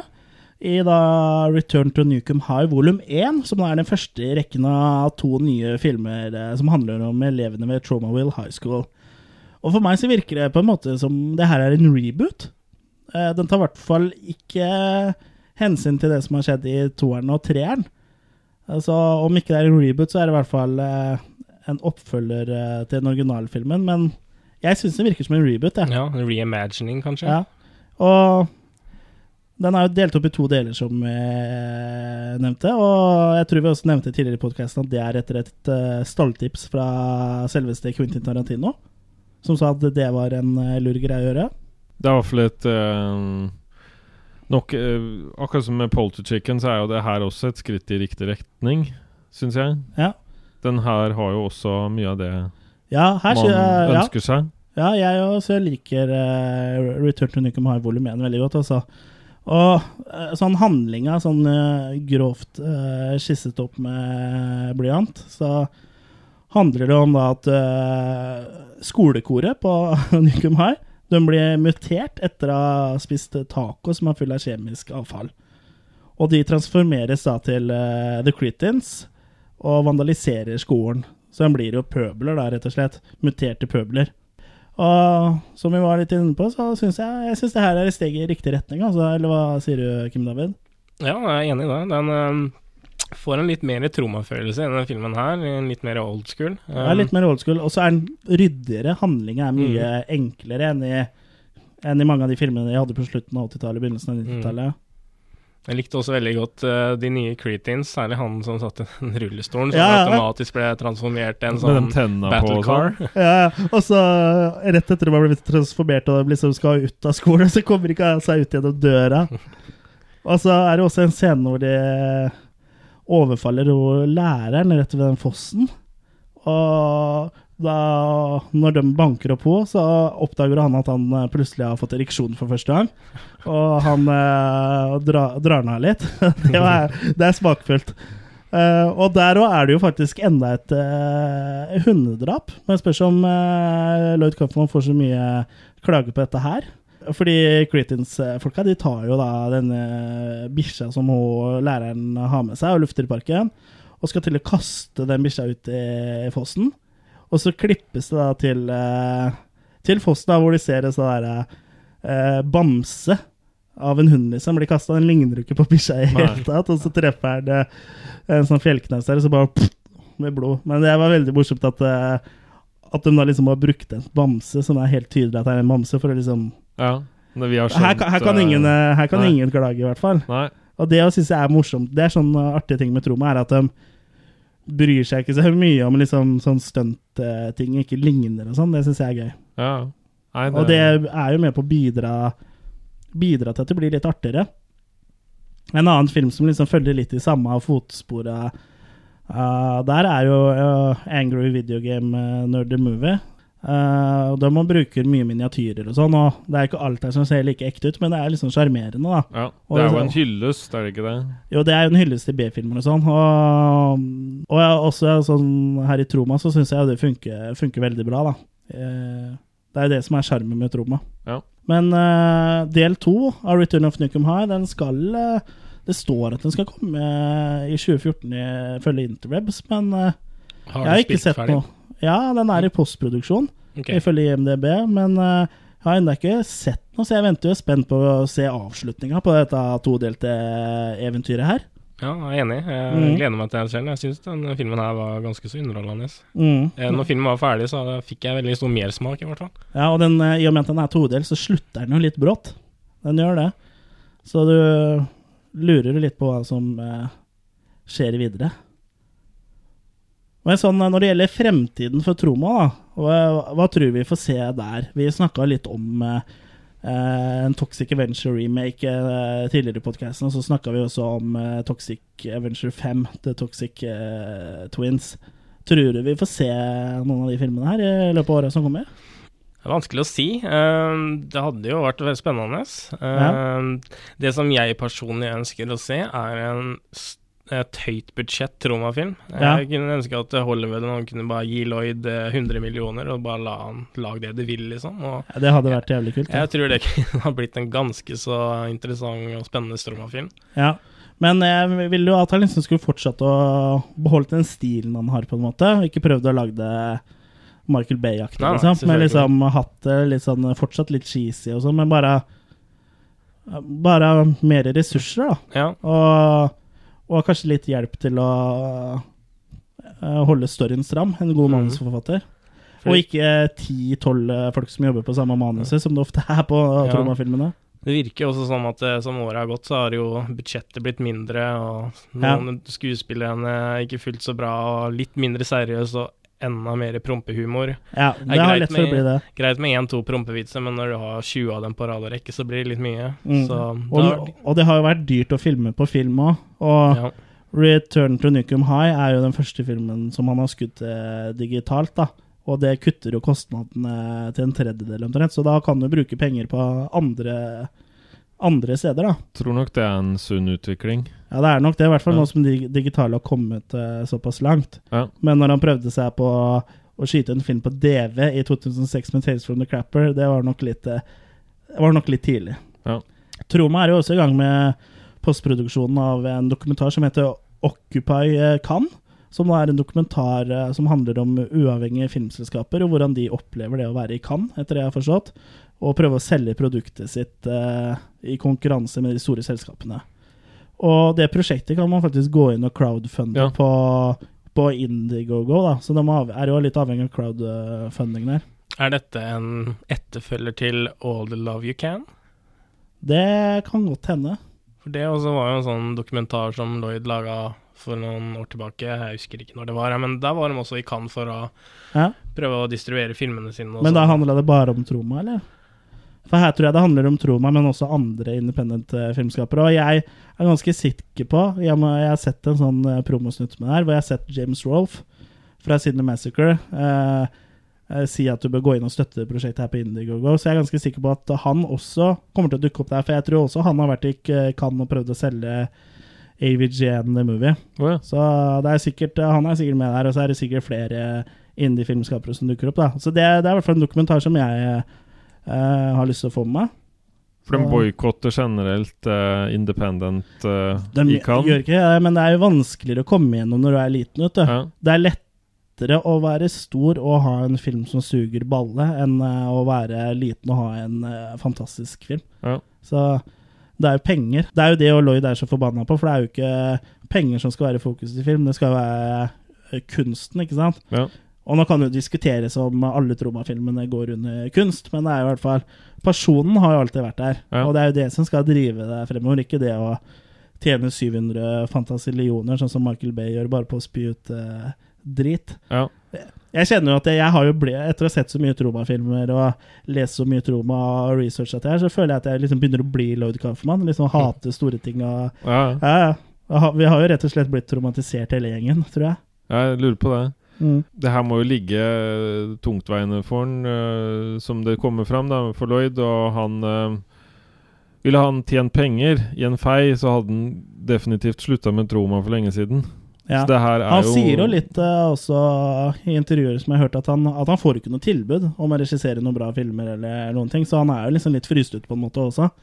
Men det Men nå vel har han jo venner da, som er på vei høyt opp, sånn som James Gunn, liksom. Han er jo Etter den suksessen med Guardians of the Galaxy, så har han en del å si i Hollywood nå. Hvis han gjør det like godt med Guardians of Galaxy 2, så kommer han til å nesten være kongen her, liksom. Så Ja. det kan jo hende at James Gunn eh, kan kan hjelpe Lloyd litt. Ja. Hvis det er noe Lloyd vil, da.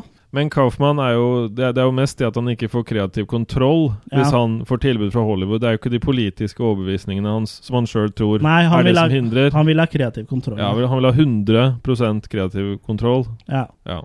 Uh, på en måte så kan jeg forstå uh, dem uh, som sitter på pengesekken i Hollywood, som ikke Som er litt redd for å kaste bort pengene sine på ting. At de ikke kaster penger etter den, hvis de liksom f.eks. har sett Tales from the Crapper. Da. Ja.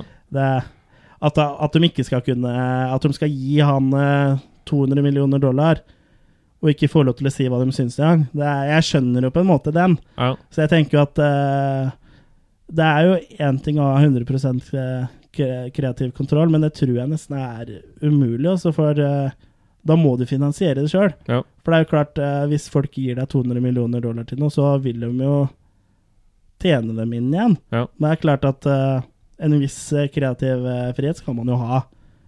Men i bunn og grunn så er det jo liksom i, sånn i Hollywood så lager du det for en kunde, på en måte. Du gjør jo det. Mm. Men jeg kunne gitt den litt mindre, da. gi den ti 10 millioner. Det er jo fortsatt ganske mye til en Troma-film å være. Ja. Det jeg vil se fra Troma, i tillegg, tillegg til det vi har snakka om nå, er en eh, ny Kabukiman NYPD-film. Enten en reboot eller en oppfølger, for jeg vil ha, ha mer Kabukiman, son! Men ta med det i det neste brevet ditt, da, eh, Kim.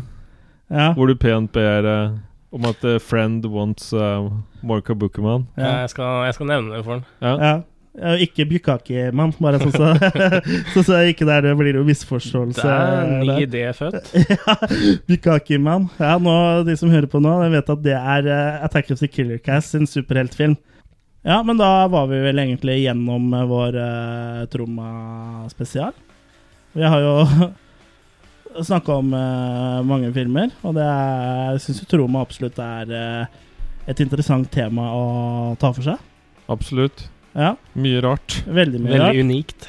Unikt, absolutt. Det finnes jo ikke noe som Troma. Nei, det er jo en egen kultur. Det er jo det, og det er jo Det er jo en type filmer som har veldig stor eh, fanbase rundt omkring i verden òg. Og ja, vi gleder oss til å se hva Troma kommer med i framtiden. Så da er det vel egentlig ikke så mye annet å gjøre enn å takke for at uh, du gadd å høre på denne lange, lange podcasten om uh, Trauma Entertainment. Så håper vi at du også hører på oss neste gang. Så Ja. for å, takk for at du tok deg turen til oss, eh, Kim David. Bare hyggelig. Tusen takk for at jeg fikk være med. Bare hyggelig. Da, ha det bra, alle sammen. Ha det bra. Ha det.